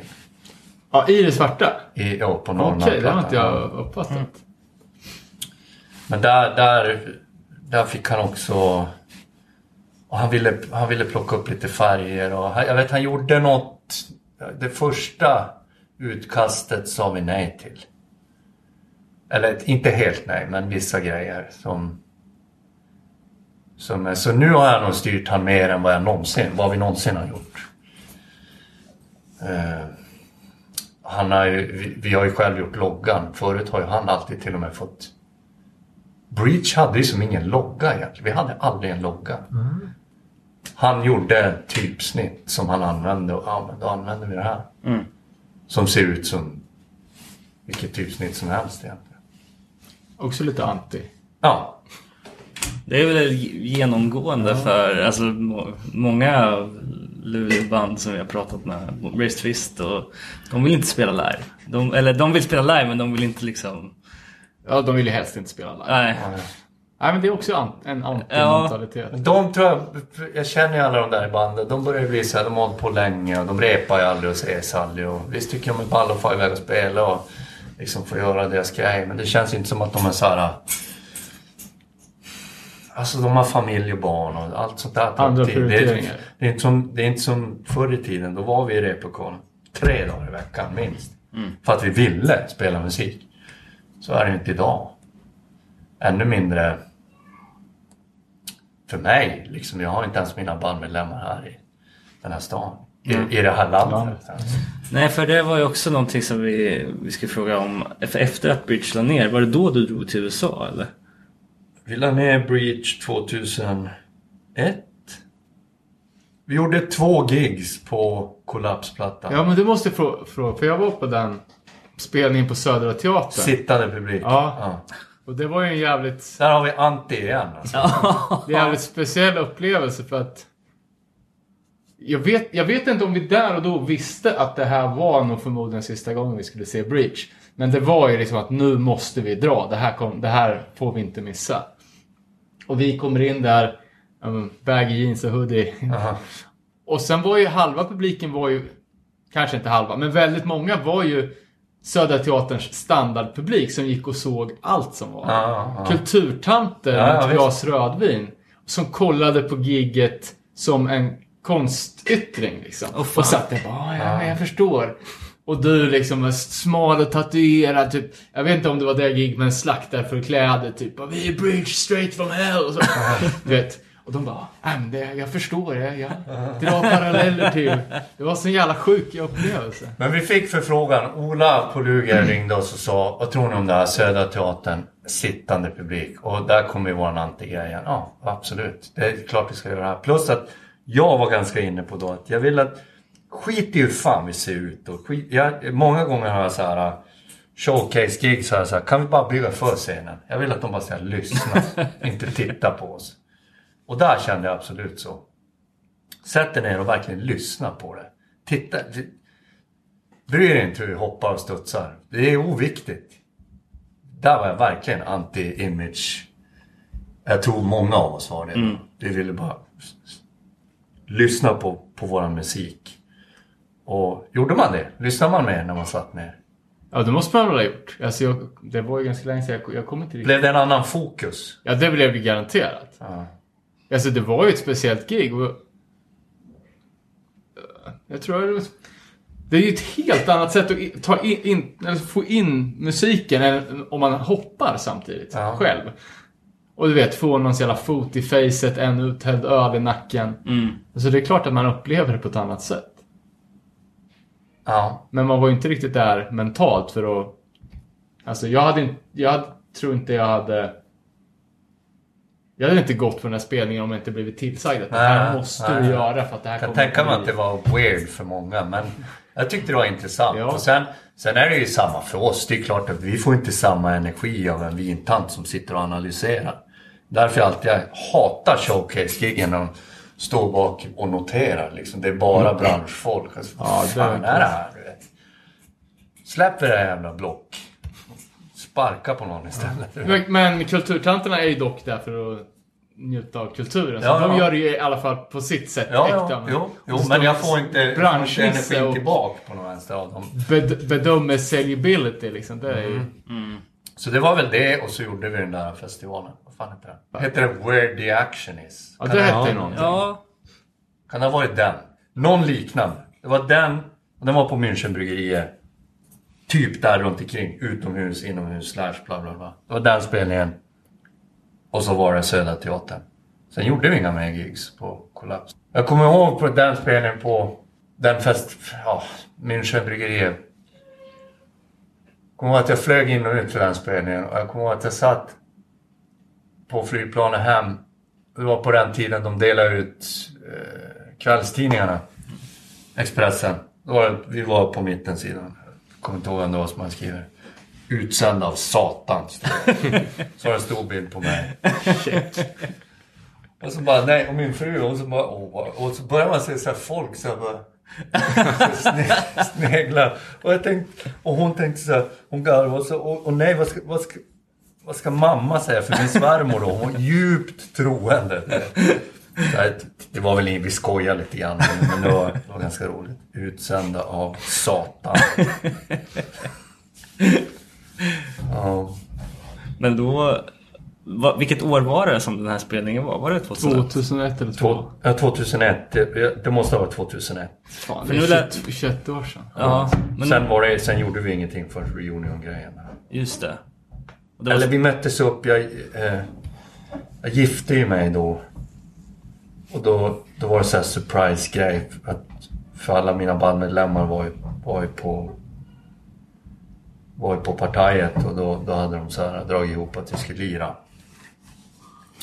Och då hade vi knappt setts eller pratats på många år. Och där och då föddes nog idén att göra den här. Lite grann för att slå spiken i kistan då, för folk sa att så men hur länge ska ni... När kommer nästa grej? När kommer... Och det var som så här, man fick som inte... Folk kunde inte släppa det lite grann. Vi, inte vi heller, uppenbarligen. Låg som och bubblade. Vi kände att vi måste... Därav det här att vi, vi tog alla pengar. Vi fick enorma pengar för det. Vi tog alla pengar och köpte instrument som vi slog sönder. Det var ett statement liksom. Nu är det över. Sen såg man en ganska rolig syn det där. Se liksom så här halva Sydeuropa på Medborgarplatsen. Någon går med en virvel och någon går med en trasig. De hade gått upp på scenen och bara plockat in Så Det var lite kul. Men, ja. Ja. Ja, vi, så, vi såg ju, det var ju Aftonbladet Nyhet, ditt bröllop. Jaså? Ja. Jaha, kolla. Det är så sjukt, för vi såg datumet. Jag är ju gift 070707 också. Kolla, kolla. Med min fru Lisa. Se, oj. Ja, så det är en jävla slump alltså. Ja. Dock inget Aftonbladet-reportage på det. Nej. Men en jävla Coolt, slump. Ja, coolt. eller hur? Vi är dock inte tillsammans idag. Vi är fortfarande gifta. Men, men vi har levt isär i tre år. Världens bästa vänner. Men, men vi har inte lyckats skilja oss än. Skumt. Eller vi, vi gjorde ett försök. Men eftersom vi har barn så är det så här Ja, jag betänketid. förstår. Ja. och då skulle vi ha hört av oss efter ett halvår och sagt ja vi vill fortfarande liksom gå vidare med den här äktenskapsskillnaden. Fast vi, vi glömde det och då var det som, då skrev de av ärendet och så måste man börja om på nytt. Och så, så har vi inte orkat ta tag i det. Nej. Men, ja. Men det, när du flög hem för de där Collapse-giggen då 2001. Då hade du redan flyttat till USA eller? Nej, nej, jag flyttade, nej, nej, nej, det var långt efter. Jag flyttade till USA 2014. Okej, okej. Jag förstår. Så jag hann släppa Doldwin första plattan och turnera, en, en turné på det innan jag drog till USA. Jag skulle ha varit i USA från 2014 till 2019 till att börja med. Men det blev inte så långt för min fru blev sjuk då. Så vi flyttade hem 2016. Eh, Så mellan eh, de två sista kollapsgiggen och, och Doldwin så gick det ja, 12-13 år. Ja, okej. Då jag inte gjorde någonting. Musikaliskt överhuvudtaget. Eller ja, det gjorde eh, lite gästhopp. Så här, la sång på ett tyskt band som heter The Ocean. Som jag var med på några av deras plattor, lite sång. Egentligen inte min tekopp, men bara för att få, få göra någonting. Skrev lite andra grejer. Det var väl lite så här saker som jag ville... Jag tänkte, kom på nu vill jag gå utanför min comfort zone. Och jag började skriva lite så här singer-songwriter akustiska grejer och spelade in lite alster och bara för att pröva på. Och, Lite Mike Judge. Ja. Old Smoke. ja, ja, lite så. Och, men det blev inget av det. Det var ju bara för att få plinka egentligen. Just det. Så hade vi... Ja, mellan den tiden, 2000, 2001 och 2014, så hade vi hade ju ganska unga barn. Och jag har ju gamla barn idag. Min yngsta dotter, hon fyller 17 nu, så det... Familjelivet tog väl överhanden lite grann. Och allt var ganska dött. Och även scenen här i Luleå var under den tiden ganska... Det dog som ut. Nu har den väl så börjat bubbla lite igen med en ny generation. Men inte alls på samma sätt som det var Nej. på 90-talet. Då. Men Nej, vi var ju och träffade Luleå Hardcore-förening igår. okej. Som har precis fått en ny lokal för, för punkgigs. Och, Mm. eh, och, och kolla på det. De har ju gjort en dokumentation på alla liksom så här DIY-gigs. Ja. Sen, det var ju från, sen 2008. Till 2021. Ja, och det, det är ju, händer bra mycket mer här än vad det gör hemma i Örebro kan jag säga. De var väldigt hängivna, de som hade på för, eh, vad heter det, Föreningsgatan. Heter det. det var verkligen så. Ja, det, det är samma. DIY, samma ja. Sjukt ambitiösa. Och liksom varje helg punkgigs. Vem som helst kom och lirade. Och, jag var dock inte, jag, jag var sällan där. För jag var som inte i det state of mindet på något vänster just där och då. Så jag har lite grann bommat deras resa. Men jag har alltid vetat om att de finns. Men det har i princip bara varit dem. Nej, men vi såg det så bra i, alltså, från inresning också från, ja, men från Kiruna, från Boden. Det var ju, och alltså hela, hela Sverige och världen egentligen. Ja. Men att det fanns liksom den Västernorrlands scen också från massa ställen som har alltså nästan lika långt till Luleå som vi har fast från ingenstans hållet. ja. Så det var jävligt coolt att se. Det var ett coolt place och det var sjukt opretentiöst. Där är en scen, där är en soffa. Ja. Spela. Det var inget mer än så. Nej men det måste också få finnas alltså. Ja. Det, Och också det här att man tog sig ur händerna på kommunen liksom, Mm. och blev lite mer autonoma. Liksom, Kunde ha sin, sin grej utan att bli störda av kommun som ville ha regler eller krögare som ville ha Ja. deg. Liksom. Och det var jävligt svårt när Luleåscenen bubblade som mest. När vi försökte. Jag vet, Pelle ville verkligen starta upp ett sånt här ställe. Det finns, ett, finns en ganska cool klubb här i stan som heter Ebenezerkyrkan. Det var det då. Som också var så här, men det var så jävla svårt att driva någonting. Det gick som aldrig att få det att gå runt. nej men jag förstår. Och skulle man driva någonting själv då var man tvungen att plocka in stöd och kommunen och då blev allting för styrt. Då skulle det upp liksom så här, då skulle det stå stå scener på veper på scenen där det stod Luleå kommun sponsored by. Och Ja. det, då, då blev det sådär knas och då tappar man lust. Så det, det, det var inte som i Tyskland. Där kunde du hitta en, en liten svart rockklubb i varje hörn. Ja, precis. Som var inget problem att driva. Nej. Eller liksom, ja nu har vi inte den här squat-kulturen här i Sverige men Men, men det var jättesvårt att göra här uppe. Vi, vi hade tankar på att försöka men nej. Ännu svårare idag tror jag. Så jävla mycket pengar och grejer och saker som kostar. Och, och brandsäkerhet Ja, som ska efterlevas exakt. och sådana där saker. Som bara nu, jag vet jag fick av vår manager och så här. ah, jag behöver dokumentation på eran backdrop att den är fireproof. och så bara what? ja. Och så massa, du vet. Jag kan väl förstå det men så var det nog inte på Föreningsgatan. Nej, förmodligen. Men berätta lite om nya, nya projektet. Norrna. Mm. Det började för några år sedan. Det var två killar från Schweiz. Så försöker jag göra en lång historia ganska kort.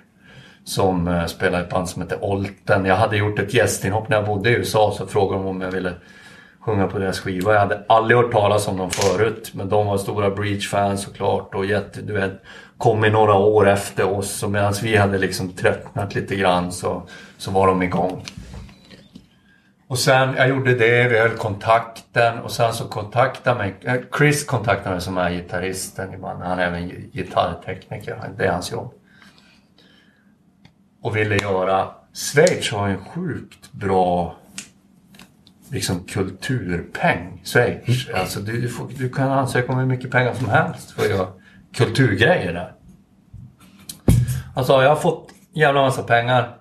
Jag skulle vilja göra ett projekt med folk som jag vill, vill spela med. Vill du vara med på det? Ja, alltså vad, vad ska det vara då? Det vet jag inte. Det får vi se vad det blir. Eller så blir det inget. Jätteoplan. Ingen planer, ingen någonting. Jag vill ha med dig. Jag vill ha med Magnus Lindberg från Kult of Luna. Och så vill han ha med sin trummis Mark då. Ja visst, fine. Kul, det låter kul. Det gick vi planera. Vad ska vi göra? Sen kom vi på, vi träffas, ja. Vi träffas. Vi kommer till Stockholm och så träffas... kan du ordna en replokal? Det här är 2019 kanske? Borde ha varit 19. Jo då, det kan jag. Helt plötsligt var vi där. Magnus, jag, Chris och Mark som de heter. Vad ska vi göra? Ingen aning. Vi bara spelar, riffar, spelar en hel helg så här, det kändes bra, det var kul att spela ihop men vi kom inte fram, vi, det blev inget direkt material där. Nej. Vi spelade in det, lyssnade på det lite grann och tog hem det. De drog hem. Där kom ju den här konstiga grejen in som jag aldrig har varit med om tidigare. Att man, man skriver musik på, på skilda håll och man sitter med sina egna hemmastudios och DAV-projekt och liksom det här. Och, programmera trummor, spela in riff, skicka hit och tillbaka. Men det var ganska kul, intressant sätt att jobba på. Det är väldigt tidskrävande dock. Mm. Men vi hade ju vi hade ju tid för vi hade inget, det fanns inga det fanns inga deadlines, inga planer, ingen någonting.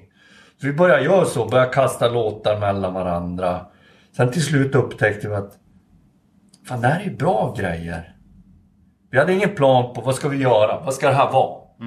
Utan, men vi möttes, vi möttes på en jävla bra plan och, och de var inne på samma sak. Och, och det kändes rätt. Och, och sen, ja, sen kom vi på att okej, men fine. Vi, vi gör en produktion av det här. Vi spelar in det. Och vi ville spela in det live. Vi ville sitta i samma rum. Och vid det här laget så hade Magnus lite hoppat av för han hade inte tid. Men han ville gärna producera och mastra och mixa det. Ja, fine. Eh, jag åkte ner till Schweiz, vi repade lite till. Väldigt så här, vi, bara, vi sågs via datorn om våra Logic-projekt. Liksom. Eh, hade, gjorde ett ganska färdigt låtmaterial. Kom på att vi skulle spela in plattan 2020, maj. Då kom ju pandemi-grejen. Så vi sköt på det. Eh, de lyckades ta sig till... Nej, jag åkte ner till Schweiz igen. Och vi skrev och rep. Och det blev mer och mer liksom en... en, något att ta på, en substans. Det var tur att vi inte spelade in plattan maj där. För vi var inte, vi var inte redo för det då. Och då kom vi på, där och då kom vi på att fan vi gör ett band av det. Inte bara ett projekt. Nej. För vi började prata, vi måste som ha ett arbetsnamn på det. Vi hade ett arbetsnamn på projektet. Ja men vi kommer på något annat namn. Och, sen, så- och där och då så kom vi på att vi, vi gör ett band av det. Så spelar vi in det och så får vi ut och turnera. För då, där kände vi att vi, vi tyckte att det här materialet vill vi vill vi spela live. Och, jag, och där och då började det väl växa upp med en vision vad vi ville göra av det. Var, vart vi skulle. Jag hade en tanke på hur jag ville skriva det. Jag hade en tanke på... I vanliga fall så brukar jag skriva... Brukar jag låta... Eh, liksom jag skriver låtarna och sen så skapar man en ljudbild. Nu var jag tvärtom. Jag ville skapa min gitarrton och gitarrtonen fick skapa riffen och låtarna i sig. Och, och det blev väldigt skitigt och grittigt och då kom jag på att det är ingen idé att skriva massa dissonanta konstiga saker. Det kommer ändå inte att höras. Så blev det enkla låtar, så här malande mantran nästan. Som tar sitt eget liv, blir som en egen entitet. Och tar sitt, enkelt. Just det. Liksom göra så mycket förstörelse man kan med så få medel som möjligt. Ja, men jag hör- hörde på en intervju när du beskrev det på ett så jävla roligt sätt. Så bara, det är, målet är liksom att göra en skräckfilm som är så jävla otäck att du aldrig vill se den igen. Nej men det var också så här. Tänk, tänk, tänk att göra en platta som man, man, Där snackar Man- vi anti. Ja, verkligen. man lyssnar på den en gång, sen vill man aldrig mer lyssna på den. Den visionen hade jag. Det är ganska intressant. Så här, lyssning, Spotify. Väldigt få lyssningar. Men i alla fall, och så, och så får jag ner till Schweiz, där var förra året. Mitt i pandemiskiten, typ. Så spelade vi in plattan live. En fantastisk upplevelse. Det blev svinbra. Vi åkte till Stockholm direkt efter master och mixare. Och där och då så då, där, började vi jobbet med att försöka ja, men kontakta alla andra. Man, har jobbat med bokningsbolag, skivbolag. Vi måste ju släppa det. Vi måste ju, mm även, det är ett nytt band som man är på rut. Även om man kan rida på gamla meriter lite grann och ha en del dörrar öppna så man är ändå på ruta ett. Det är ett nytt band, det är en ny grej. Så, så, så börjar jag jobba med de sakerna. Och också jävligt anti vårt val av skivbolag. Vi hade kunnat släppa det på andra bolag men vi valde Winter Records som ett helt nystartat skivbolag av ett par killar. Har ni hört, ett band som heter Saver? Nej.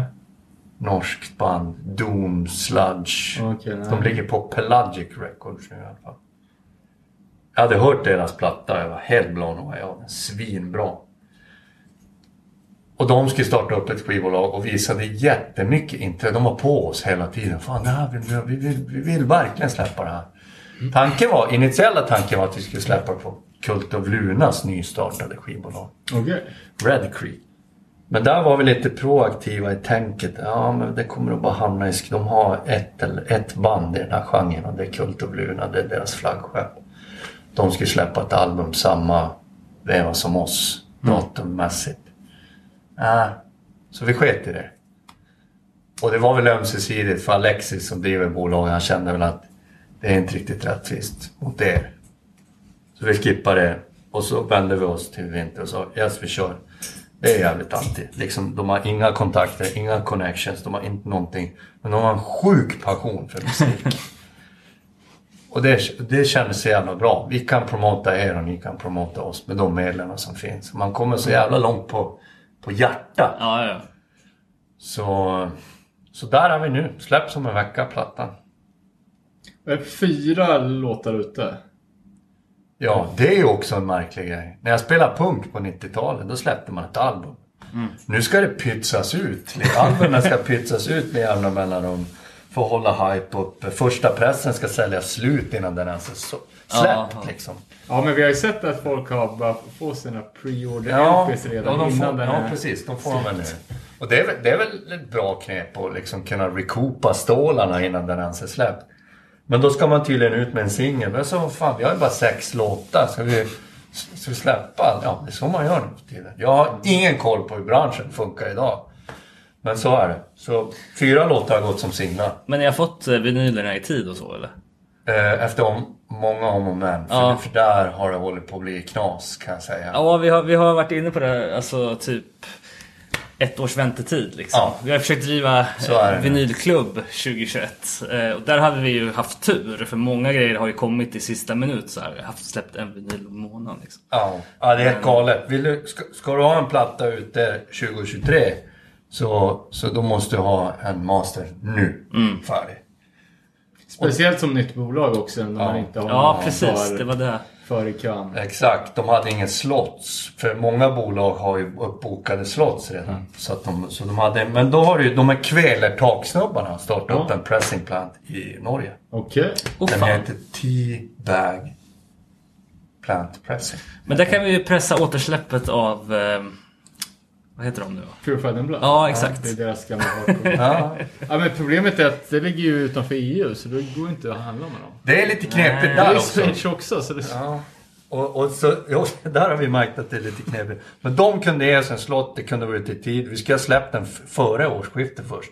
Men det gick inte. Så då fick vi skjuta på det. Eh, Men då kom ju de här, okej. var, varför vi inte kunde släppa den före jul, det var för att Okej, kartongerna till att trycka vinylen är typ 18 veckor försenat. Jaha, Och det är på grund av pandemigrejen. då. Pressningen kunde de få klar. Så därför blev det då framflyttat till februari. Vi ska det i november först. Eh, så vi lyckades där. Det har, ju inte, det har blivit lite tokigt. 500x finns det felstavningar på som släpps nu. Ja. Kul. Ja. Det är collectors. Ja, Så collectors. går jag Vi tänkte det, skit i det. Det, det, fin- det är en felstavning på en låttitel. På 500x. Och så var det, vi ska ha en rosa, den blev röd. Det släpps lite olika, jag tror det är fem färger. Det är så här Norna edition som Tim på Trust No One Recording släpper. Ja. Och hans merch, den är lila. Vi har Winter edition, vilket är skivbolaget, den är vit. Sen har vi ett skivbolag i Schweiz som heter Hummus Records. Den är guld. Så det, det har inte varit så enkelt att få ihop det där. Nej. Och, och, och så har vi en slott för ompressningen för den också. Så det, det är bra. Men det är helt galet vilka turnaround-tider på Ja. nu. Men eh, roligt nördfakta här då, när vi nämner både omslag och eh, Tim och Trust No One Records som gjorde vinylerna första rundan på både Venom och It's Me God. Eh, It's Me God omslaget är ju hälften tryckt på den blanka sidan, hälften tryckt på den matta sidan. Som en collectors grej. Han kan Tim. Ja. Sen han som tog över, efter det, han... Jag kommer inte ihåg vad han hette, jag har inte haft med det där att göra. Men Apocaplexy Records som har släppt alla låtar, Pressa på kollaps och det där. Han är sjukt nördig. Han handtrycker allt själv, lägger, limmar allt själv. Det är enormt hantverk i det. Ja, Lägger ner tid och pengar på det, så det är coolt. Jag bryr mig inte så mycket själv i det liksom. Jag vill bara få ut skiten. Men jag tänker, nu när ni, när ni ska ut och turnera, vad är er liksom... Hur tänker ni att live-framträdandet? Ni är trio? Ja, Eh, Ska ni ha någon produktion eller är det avskalat eller blir det... Det är samma där. Förstöra så mycket med så få medel som möjligt. Vi har ju en tanke på hur vi vill framföra, hur vår liveakt ska se ut och låta framförallt.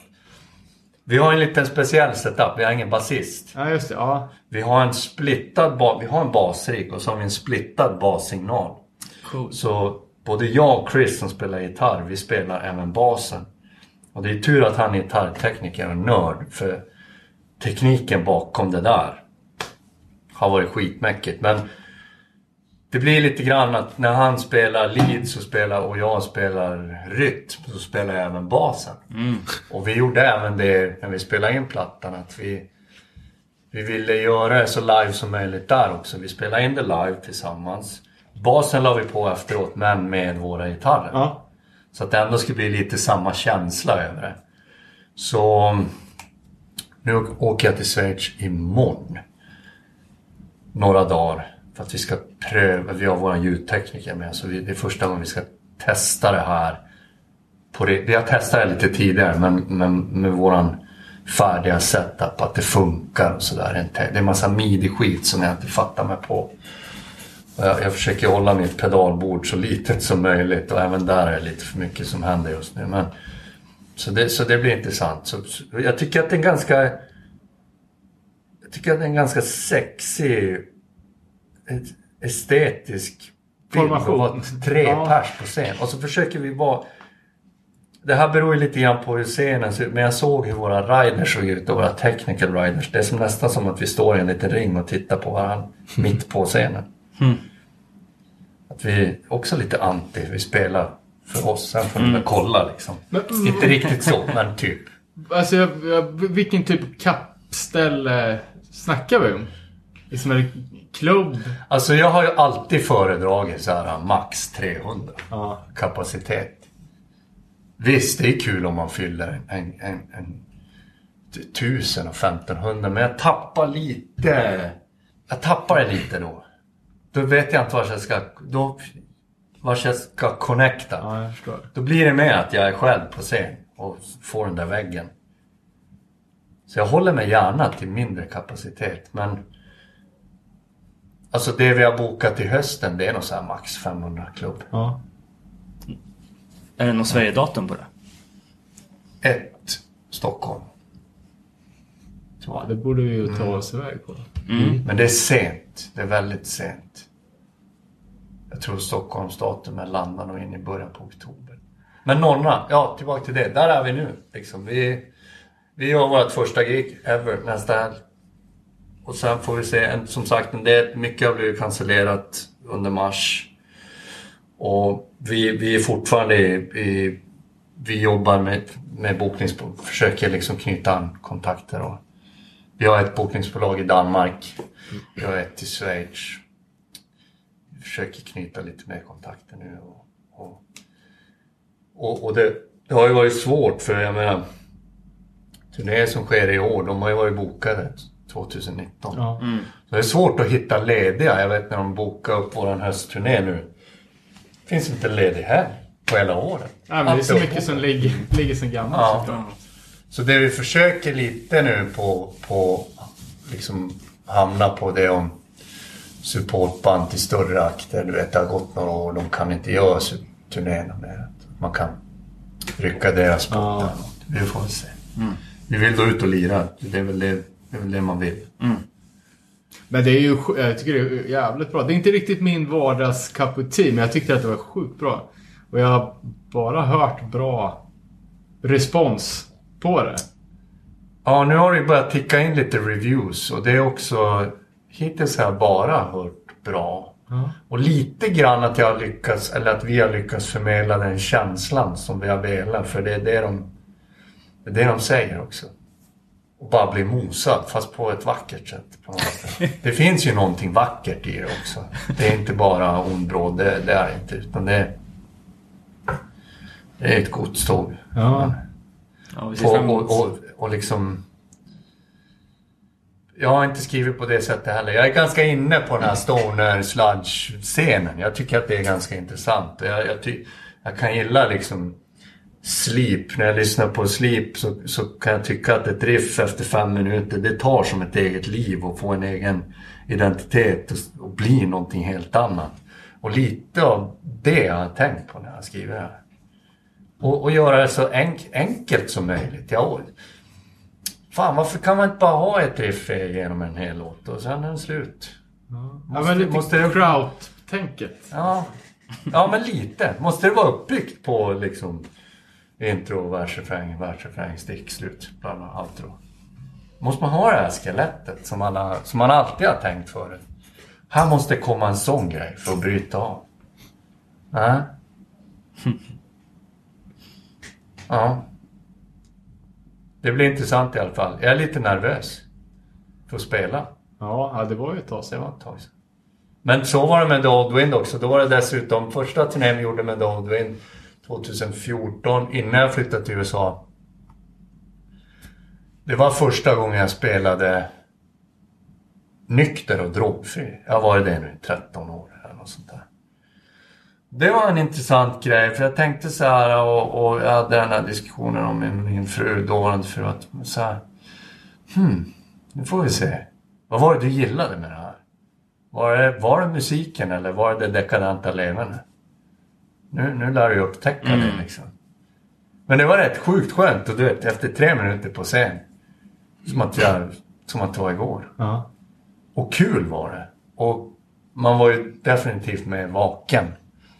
Och man fick sin sömn och man, Ja, exakt. allt det där. Det Men var- där, var det både instrument och sång där eller? Var Ja, det? ja.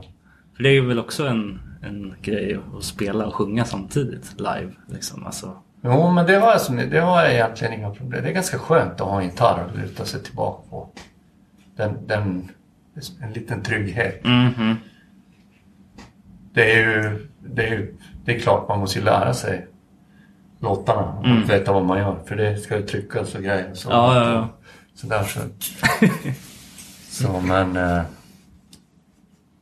det, det, det tycker jag är ganska nice. Att ha, att ha den där gitarren. Man känner sig lite mer naken om bara ha en mick. ja, just det. Ja. Nej men det här med dubbla trummisar under Venom-tiden, det var väldigt intressant för vi upptäckte ju ganska snabbt att det ger varken från eller till i studio. Det var bara, vi upptäckte att det, det här funkar bara live. Och sen så funkar det inte med vilka trummisar som helst heller. Det var ju inte hela tiden, det var ju, vi gjorde ju vi lirade ju Venom med bara en trummis ibland. Lirade live på Venom-plattan med Geijo. Eh, men sen blev det ju Per, Nordmark och Thomas Tunen och de var så jävla samspelta. Så det var som, de blev som en trummis. Sen var det svårt att separera på det. Man kunde, vi kunde inte lira utan båda dem. För det är tre trummisar olika som har spelat på plattan. Ja. Och, och, och för, att backa lite, Janne, varför slutade han? Jag vet inte riktigt varför både Janne och Erik gick. Det var... Jag tror att, att när vi gick från den här replokals fritidsgårdsgrejen och det blev någonting större. Så tror jag att kanske Janne tappade lite intresse. Även Christian, för han lämnade ju... Han var ju med ett tag. Men Ja. Erik tyckte det blev för invecklat. Han tyckte det blev för svårt. Kommer jag ihåg. Han är ju van att spela Streberspunk. Var inte riktigt med på den där utvecklingen vi gjorde. Så... Eh, jag tror det var det. Det var inte något sånt här... Eh, vi sparkade ingen direkt.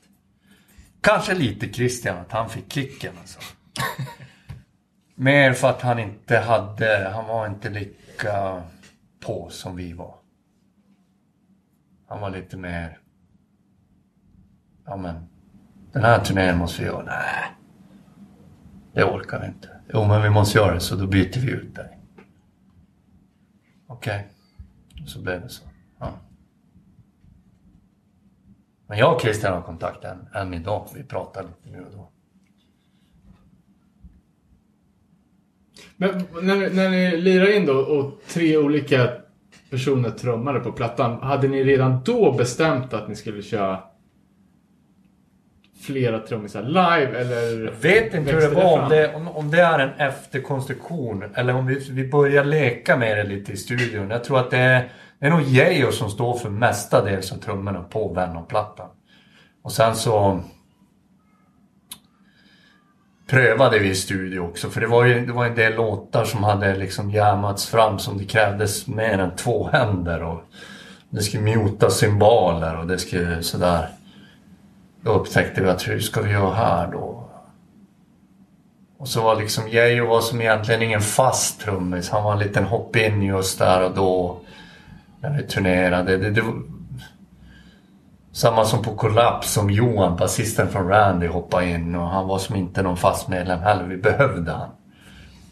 För vi hade ingen basist. Och, och, och Magnus funkade inte riktigt i studio. Han funkade live. Upptäckte vi också. Sorry Magnus, men så var det.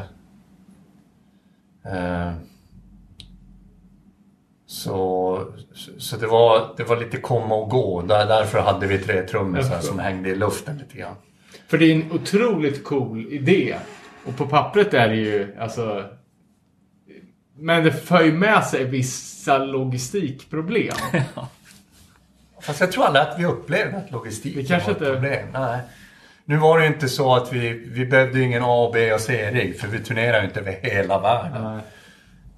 Det dilemmat kan man ju stöta på idag. Hmm, fan gör man? För nu har vi så speciell setup och jag förstår, jag förstår amerikanska band som börjar köra med Axe-FX och Kemper och grejer för att det är lite jobbigt att flyga med alla dessa vintage-kabinetter och toppar och hit och dit. Just. Jag menar, jag använder inte bara en gitarrigg när, när jag spelar live. Utan ja, eller hela riggen är flera toppar och lådor. Och, det är en sak om man turnerar i en stor buss i Europa, men när man ska börja köra fly-in shows och sådär, då är det, då är det svårt. Men, men då var det inte det. Det, det, det, det funkade. funkade. Mm. Och du Robin som är trummis. Alltså, jag, jag kan inte, jag förstår inte. Hur svårt är det att spela tillsammans med någon?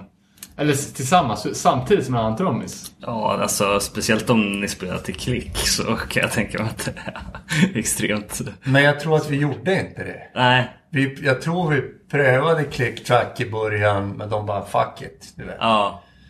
För då blir det så uppstyrt. Hela, hela live-giget hänger på ett klick liksom. Och, och så upptäckte jag att Thomas och Per var så sjukt samspelta så det funkar utan klick. Ja, de måste ju verkligen vara så här. Ja, Men man- alltså...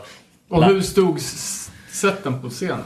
Ja, de hade nog ganska bredvid varandra. Men ändå så att de kunde se varandra. Lite som Kult har nu då. Ja. ja.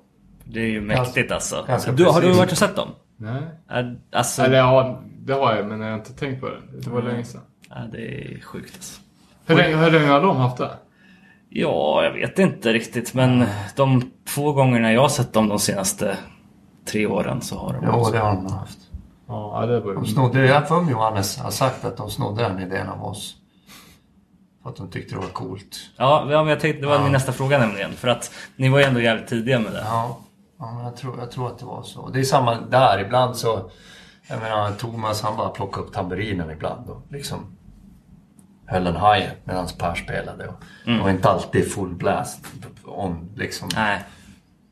För att få lite mer dynami, dy- dynamik i trumspelet. Och jag vet att Per, han var ju... Då är vi inne på de olika influenserna. Han var ju jävligt inne på så här FX Twin och, och väldigt mycket rytmisk eh, elektronisk musik. Okej, ja. Så det var nog där de grejerna kom ganska mycket ifrån. Då, när ni spelar med, med den sättningen så kan det inte ha varit några max 300 personers ställen utan då måste det ha varit lite större. Det krävde, alltså det, Scener. det krävdes ju att det var ganska stora scener. Ja. Så det blev, och det funkade ju alltid i festivaler. Det gjorde det. För där är alltid stora scener. Och då händer det väl ibland att vi kom på klubbar då det var jävligt tight. Liksom. Men jag tror att vi hade, att det bokades ingen mindre än, än 300-500 kapacitet alla fall. För, för att det krävdes. Det var ingen som behövde sitta i logen och lira. Nej, nej, nej. Så in, inte för att vi liksom blev så stora att det krävdes så mycket människor i publiken utan mer att det behövdes för att vi skulle få plats. Vad har Debaser Menis? Är det tusen? Eller hade? Det är fan ett stort. ju. Jag tror att de hade tusen. Ja, det lär de ju haft. Ja. Men det ser man ju på... Alltså jag var ju på... Fan, var det? Jo men det var The Gift is a Curse supportade Cult of Luna, lirade på Pustervik. Okej. Och då hade det ju... This Gift is a Curse hade satt upp sina grejer där. Och sen så hade Kult sina grejer där. Och sen när det var dags för dem så kunde de bredda ut liksom på hela scenen. Okej. Men då, då var det ändå liksom... De hade ju riggat upp innan liksom. Ja. Eh, This Gift. Det har alltid, det har alltid våra ljudtekniker varit. Det har varit vårt enda krav när jag varit ute och turnerat. Tejpa över decibelmätaren direkt ni kommer till venuen liksom. Det, och fuck it. Det är det enda krav vi har. Spela högt som fan. Liksom. Men eh, en annan fråga då som jag måste ställa det är ju Epitaph äger rättigheterna till Breach-diskografin. Ja, Eh, ja. Det har aldrig varit tal om att återutgiva det på något samling. Nej, alltså det där har varit lite märkligt. Jag har ju hört, jag har inte själv varit så involverad i det men folk har försökt få lös rättigheter för Epitaph kommer ju definitivt inte återsläppa det. De visar noll intresse till att göra det. Vilket är fine. Jag menar, nu känns det som att det har återsläppts så mycket av våra plattor så det börjar bli lite mättat. Men det, det tråkiga i det hela var det att när som han Apocaplexi fick som någon tillfällig licens, eller fick, han fick betala pengar för det. När folk, eldsjälar vill göra det så har de bara såhär, nej. Mm. Det är våra. Det är inte så att någon blir miljonär på att göra det heller. Nej. Nej. Och jag kommer ihåg att, att vi sa det till Epitaph. Vad fan, ni skiter väl i det här? Vad är problemet? Funkar inte så. Så det är lite trist, tycker jag. Och det har man ju lärt sig från den tiden. Nu skriver man inga förlagskontrakt. och Man, skriver, man ser till att äga allt själv. Det, det var ju lätt då när du vet, Warner kom. Ja men, här ni får några hundratusen. Så tar vi rättigheter. Ja, whatever. Det är bara punk. Men då sitter man ju här idag. Man äger ju ingenting av det. Vilket är, vilket som. Men det är, det är trist när någon, någon äger och inte vill göra någonting med det. Nej, precis. Ja, men det har vi ju snackat om också med, med Millencolin-killarna. Att, för ja, de är ju kvar på Epitaph direkt nu. Och de har ju sin katalog där med gamla grejer. Men till exempel så har ju Millencolin släppt sex sjuor. Ja. En enda gång. En press som Burning Heart gjorde typ i några hundra ex på 90-talet. Ja. Alltså bara för, för Millen som band. Tänk om de skulle kunna sälja en låda av varje på varenda datum på en spelning. Ja, ja, ja. Men ingen vill göra det för det är inte mödan värt för Epitaph att göra en reissue. Och Millen kan inte göra det för de, har ju, de äger inte Nej, rättigheterna till att pressa upp dem. Det är det blir det som så är- här bolagslimbo. För Epitaph vill hellre satsa på deras nya LP, såklart. Men det är ändå så här för oss fans och en inkomstkälla till, till bandet. Det blir liksom som en extra merch. Det var en fucking tjänst för historieböckerna. Alltså, Ja, ja. någon gång kommer Ja. de där 500 exen sluta funka och vad fan gör man då liksom? Men jag tänkte på det här, var det inte Larsson med Denial, köpte inte han ut Vision eller?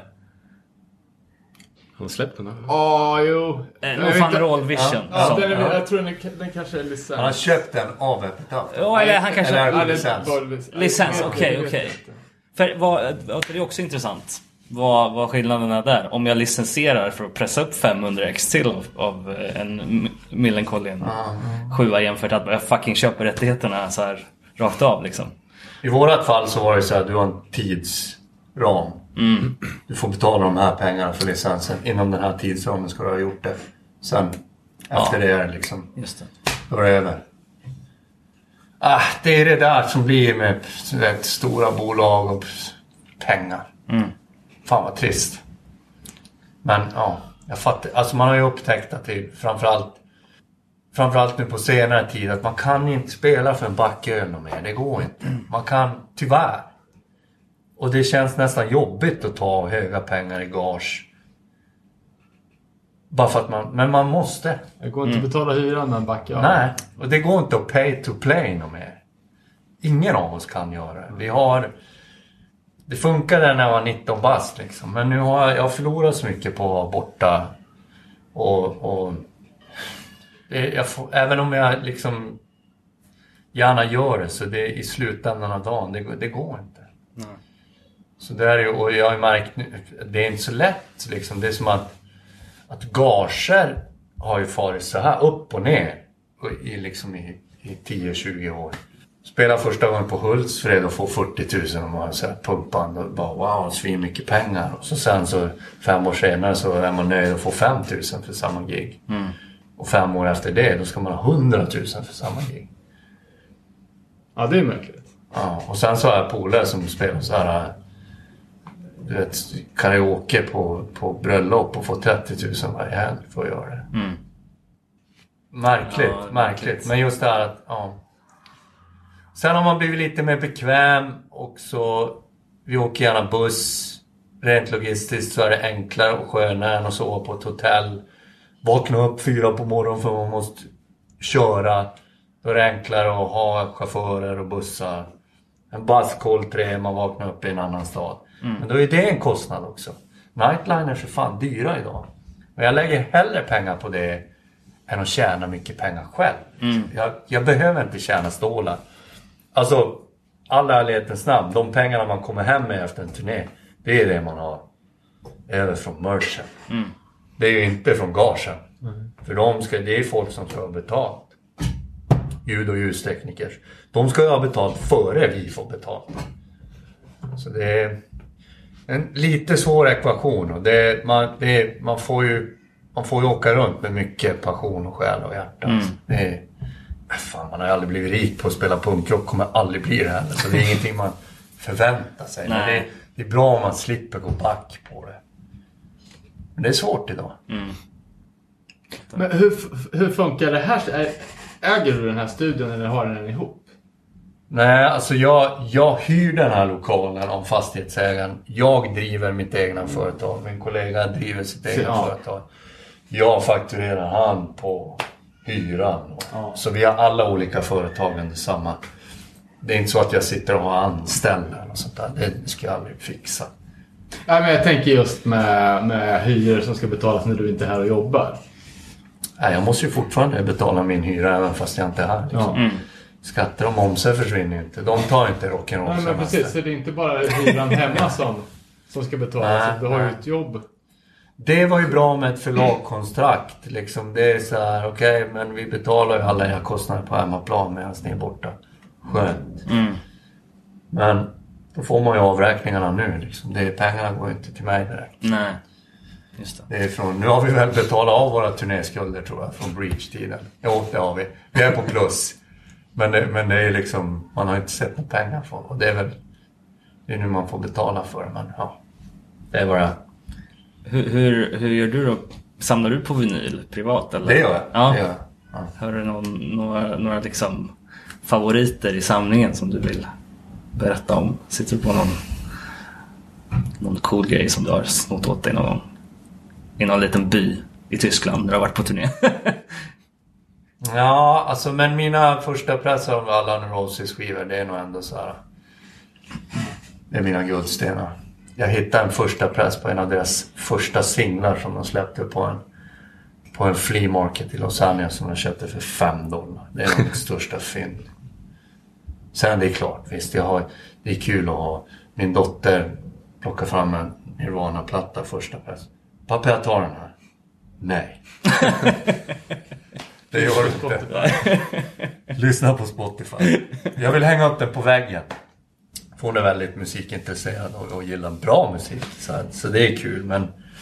Men... Eh, Ja, det, det är väl de. Det är väl de där första pressarna Neurosis som jag har försökt. Liksom True Silver in Blood med Neurosis, den, den går fan inte att få tag på första pressen med på vinyl. Och den har jag några ex av. Men eh, det ligger säkert någon sån här.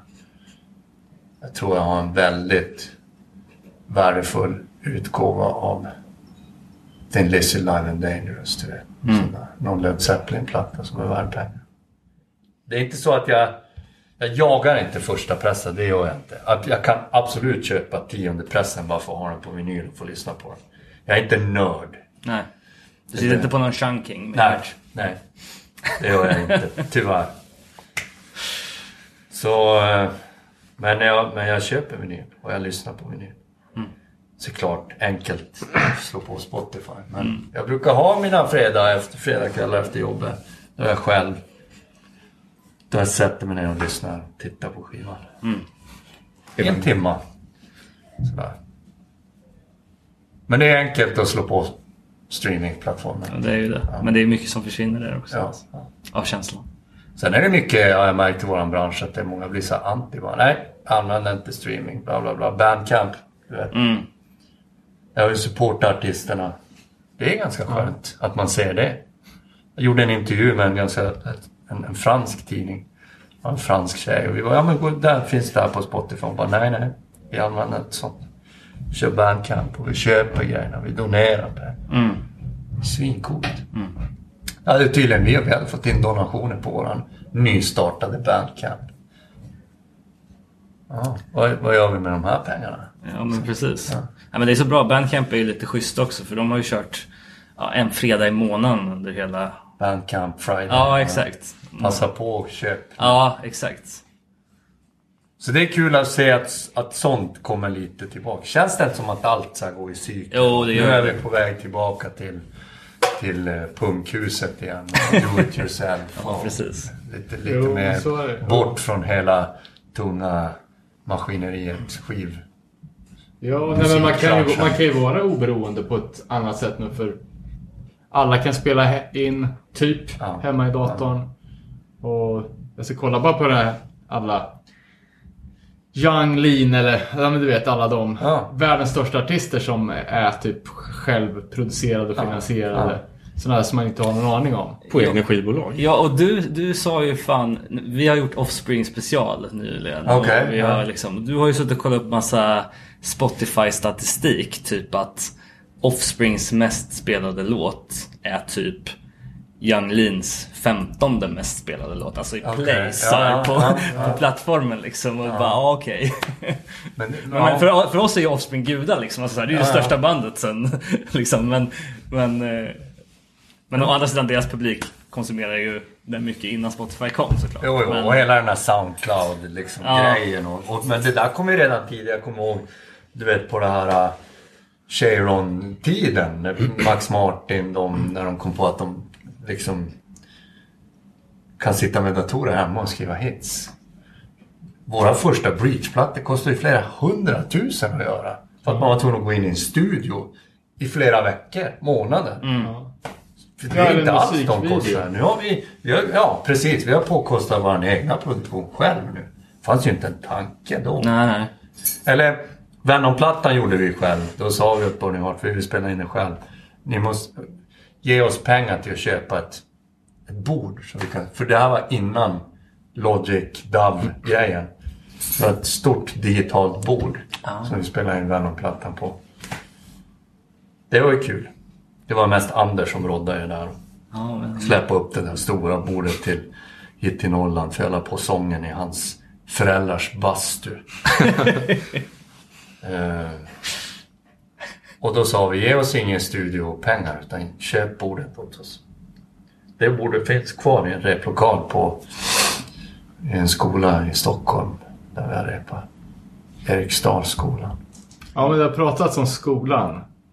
Men är det, en, är det som en opererande skola eller är det före detta skola? Nej, det är en skola fortfarande. Okej. Därför man aldrig får repa före fem på dagen. Ah, okej. Går man ner i en källare, katakomb, du vet, smutsigt och sunkigt som vanligt. Men där är, där är alla banden nu för tiden. Ja. Nu har, där vi brukar repa där är... Eh, vilka är det nu då i den lokalen? Tims band Switchblade. Förut delade vi även Yvonne var där om ni kommer ihåg det bandet. Men det, är så här, det, är, det är ganska hög omsättning på band men det är, det är ett populärt plex för det är billigt. Det är inte billigt att hitta replokaler idag. nej. I alla fall inte här uppe och än mindre i storstäder kan jag mig. Så. Där, jag har till och med jag har till och med kvar jättemycket utrustning i den replokalen i skolan. Gitarrtoppar och lådor. Och står någon gammal breach-låda där. Breach-loggen på. Ja, fan vad fett. Ja, men det känns ju som att vi har täckt mycket av vad du frågar om. Verkligen, ja, jag tyckte det blev svinbra. Ja, så vi Det får bara... lite luddigt från demotiden. Ja men det är ju bra. Jag tycker att det, det känns det ju som att det, det var en, en fråga som kom spontant och att vi fick ett spontant svar. Ändå att ni hade koll på Better Change och Reach Out och hela den där. Ja, men ja, Reach Out kände vi inte till förut men Better Change är lite legendariskt. Ape 6 var väl också... Epson, ja. Fan vad bra det var. Den demon alltså. Den är så jävla bra. Men gjordes det som någon split-demo med Superdongs igen? Eller Scumback? Åh, hur var det här nu? För vi såg vi släppte, omslaget. vi släppte en, en 7-tums singel tror jag. Med Ape 6? Ja. Ja, den kom på X6 på ena 90-talet, eller sidan, senare. Superdome på andra sidan. Fan, den har jag inte. Den måste jag lyckas få tag på. För, jag vet att jag vi har haft en Ape 6 7 men jag vet inte om det är en Superdome-material. Eller också är det det inofficiellt. Nej. Nej. Fel. Superdome gjorde en Ape Sex cover som publicerades på något Just sätt. det. Da, du. Så gick den, kommer jag ihåg. Fan, att Bridge har också gjort det. Nej, det var, det var Superdome. Vad fan jag. Bridge för gammal cover då? Har vi gjort covers? Eller? Kanske inte har. Fast jag ska skriva upp det. Men den demon i alla fall, den var så sjukt jävla bra. Alltså Ja. den är så... Det är som så här kängpunk blandat med Steve Albini. För det var så här... äh, Folk från Bear Quartet. Och så, Ja, Alkberg va? Ja. Ja, Alkberg var nog inte med. Var han inte det? Nej. Nej, okej. Sen, sen... Jag var med i den nya Ape Sex en kort, kort stund. Jaha. Eh, sen blev Ape Sex Him Kerosene. Okej. Typ. Och så bytte de ut medlemmar lite, lite mer. Just det. Ja. För Den eh, demon låg ju på eh, Youtube. Det var där vi Ja. fick tag i den. Jag hade inte hört det innan. Det var asfett. Jävla mäktig. Ja, jag, jag kommer ihåg när den där kom på sjua på 2000-talet. Men jag, jag, kunde, jag, jag trodde det var ett helt nytt band. Så jag, Nej, nej, nej, nej, gav nej. i- Så det var ganska tråkig produktion. Eller produkten. Det var plastomslag. Ja. Inte sägande. Så den här fick inte riktigt den uppmärksamheten den borde ha fått tror jag.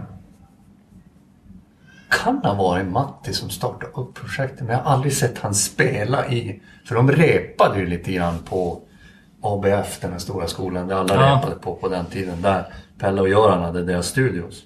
Göran har kvar sin studio fast på ett annat ställe i stan. Eh, där repade de. Men jag såg aldrig Matti vara med där. Är det Alkberg? Ja. ja. För han måste vara lite äldre va?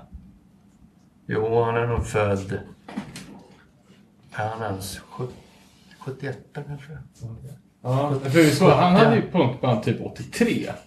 Jo, jo. Han är liksom... Han är the punkrocker från den här stan. det här är ju långt före jag var, du vet, ens i tanken på att spela musik. Så hade de...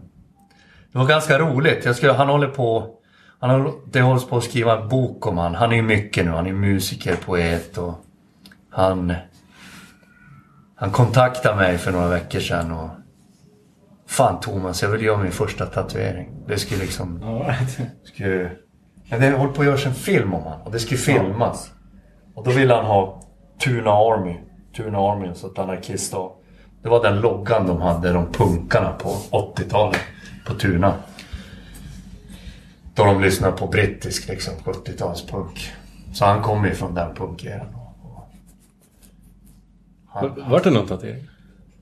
nej, för det var någon i hans familj som fick co- covid. Okej. Vi ska ha gjort den bara förra helgen, eller helgen före det. Och så skulle det dokumenteras. Det var hans första tatuering. Han ville ha den där Tuna Army. Det är gött.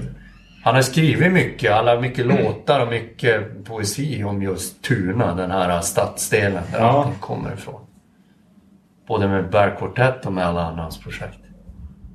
Jag var sån live i förrgår. Ja. Han spelade Med med- vilket projekt? Det var bara han. Och... Bara han. Matti Alkberg. Ja. Ja. För han har ju... Ja, vad fan har han? Han hade ju sin... En miljard band. Ja, ungefär. ja. Och som har varit ganska aktiv också så här till och från. Var spelar han? Oh. Umeå, men... Umeå någonstans. Ja. Jag vet inte vad det hette. Nej, men det var ju det. Okej. Ja. Typ något kulturhus såg det ut som. Ja, fan hette Elektra heter det. okej. Elektra. Ja, men det har jag hört talas om. För han är ju som etablerad nu på många sätt. Ja, verkligen. Ja, Ja, verkligen. Om vi var anti så är han anti. Etablissemanget liksom. Han har ändå lyckats slå sig igen. Jag hörde från polare skatekompisar i Stockholm. Mange Gyllenberg om du vet vem det är. Känner igen namnet. Ja. Spelar i ett band som heter Skelett way back. Ganska Ja, ja, skate okej. också. Ja. Eh, och han och Pelle är ju kompisar. Ja. Och nu bara för någon vecka sedan så hade Pelle fått återfall i skaten och blivit helt som såld. Jaså? Ja, så han... Så, Pelles fru har sagt nej det, det bara, någonting har hänt med honom. Han har blivit som en helt annan människa. Ja, ja, men det är kul. Ja, han hörs inte så ofta. Det går väldigt många år mellan. Mellan de gångerna vi talas vid. Det var ju kul. Ja. Det har ju varit hela hans liv. Liksom. Långt före musiken. ja Sen men, blev han musikfascist. nej, men man hör ju så mycket om honom liksom. Hur bra han var på skate, hur tidig han var och, och sen hur bara, han är världens puttraste människa. Han är liksom... Den där vågar ni inte intervjua på det. Han är så liksom... Han är tyvärr... Prata med Sebastian. Viagra Voice. Ja. Eh, vi känner ju varandra. Vi är ju båda tatuerare också. Och då var det folk som hade tipsat på deras förra platta. Vad heter den? Streetworms. Det är inte den som kom nu va? Nej. Den förra. Ja, när de bara blev världsstora. Ja, ja precis. Då hade, då hade de tipsat om Pelle ska producera den här plattan. Så hade de haft möte med honom. Och Sebastian hade kommit ut. Jag ska aldrig göra någonting med den där. aldrig. Och så... Ja men lyssna lite på hans mixar. Och då var det så här. Yes, vi ska ha den. Så jag förstår, jag kan ju förstå att folk har den uppfattningen om honom. Ja. Då i alla fall. Jag vet inte hur han är idag. Jag vet inte om han själv upplever sig själv så butter och, och bråkig och stökig. Men, Ja, jag vet inte. Men han har ett rykte om sig i alla fall. ja. Ja, ja, men fan vad fett Thomas. Vi får tacka så Ja, hemskt tack mycket själv. för att du tog dig tid alltså. Känns det som att vi har ganska mycket i alla fall. Ja, oj, det här var super. Det här var klockrent. Vi, eh, vi skickar... Jag kan säga en sak. Jag är inte göken i Terra Tenebrosa. Som alla tror och säger. Ja. Senast nu. Så här, reviews och intervjuer på Norna. Thomas Liljedahl, X-Breach, Terra Tenebrosa. Ja, det är Niklas som är. Alltså, det är inte jag. Vi gjorde till och med en bild. La ut på sociala nätverk 2014. Där jag stod och höll om Niklas här, när han var utklädd till göken. Där. Det här är Niklas Gök, det här är jag. Vi är inte samma person. Ni, ni kanske aldrig har hört den kopplingen men, men den finns hela tiden i alla fall. Terra Tenebrosa har ni hört talas om? Ja, det har jag. Men inte Jack-kopplingen. Ja. Men det får jag hela tiden höra. Men nu är det out there igen. Dementerat. Yes. Gött. Bra. Tack, tack så mycket. Tack själv.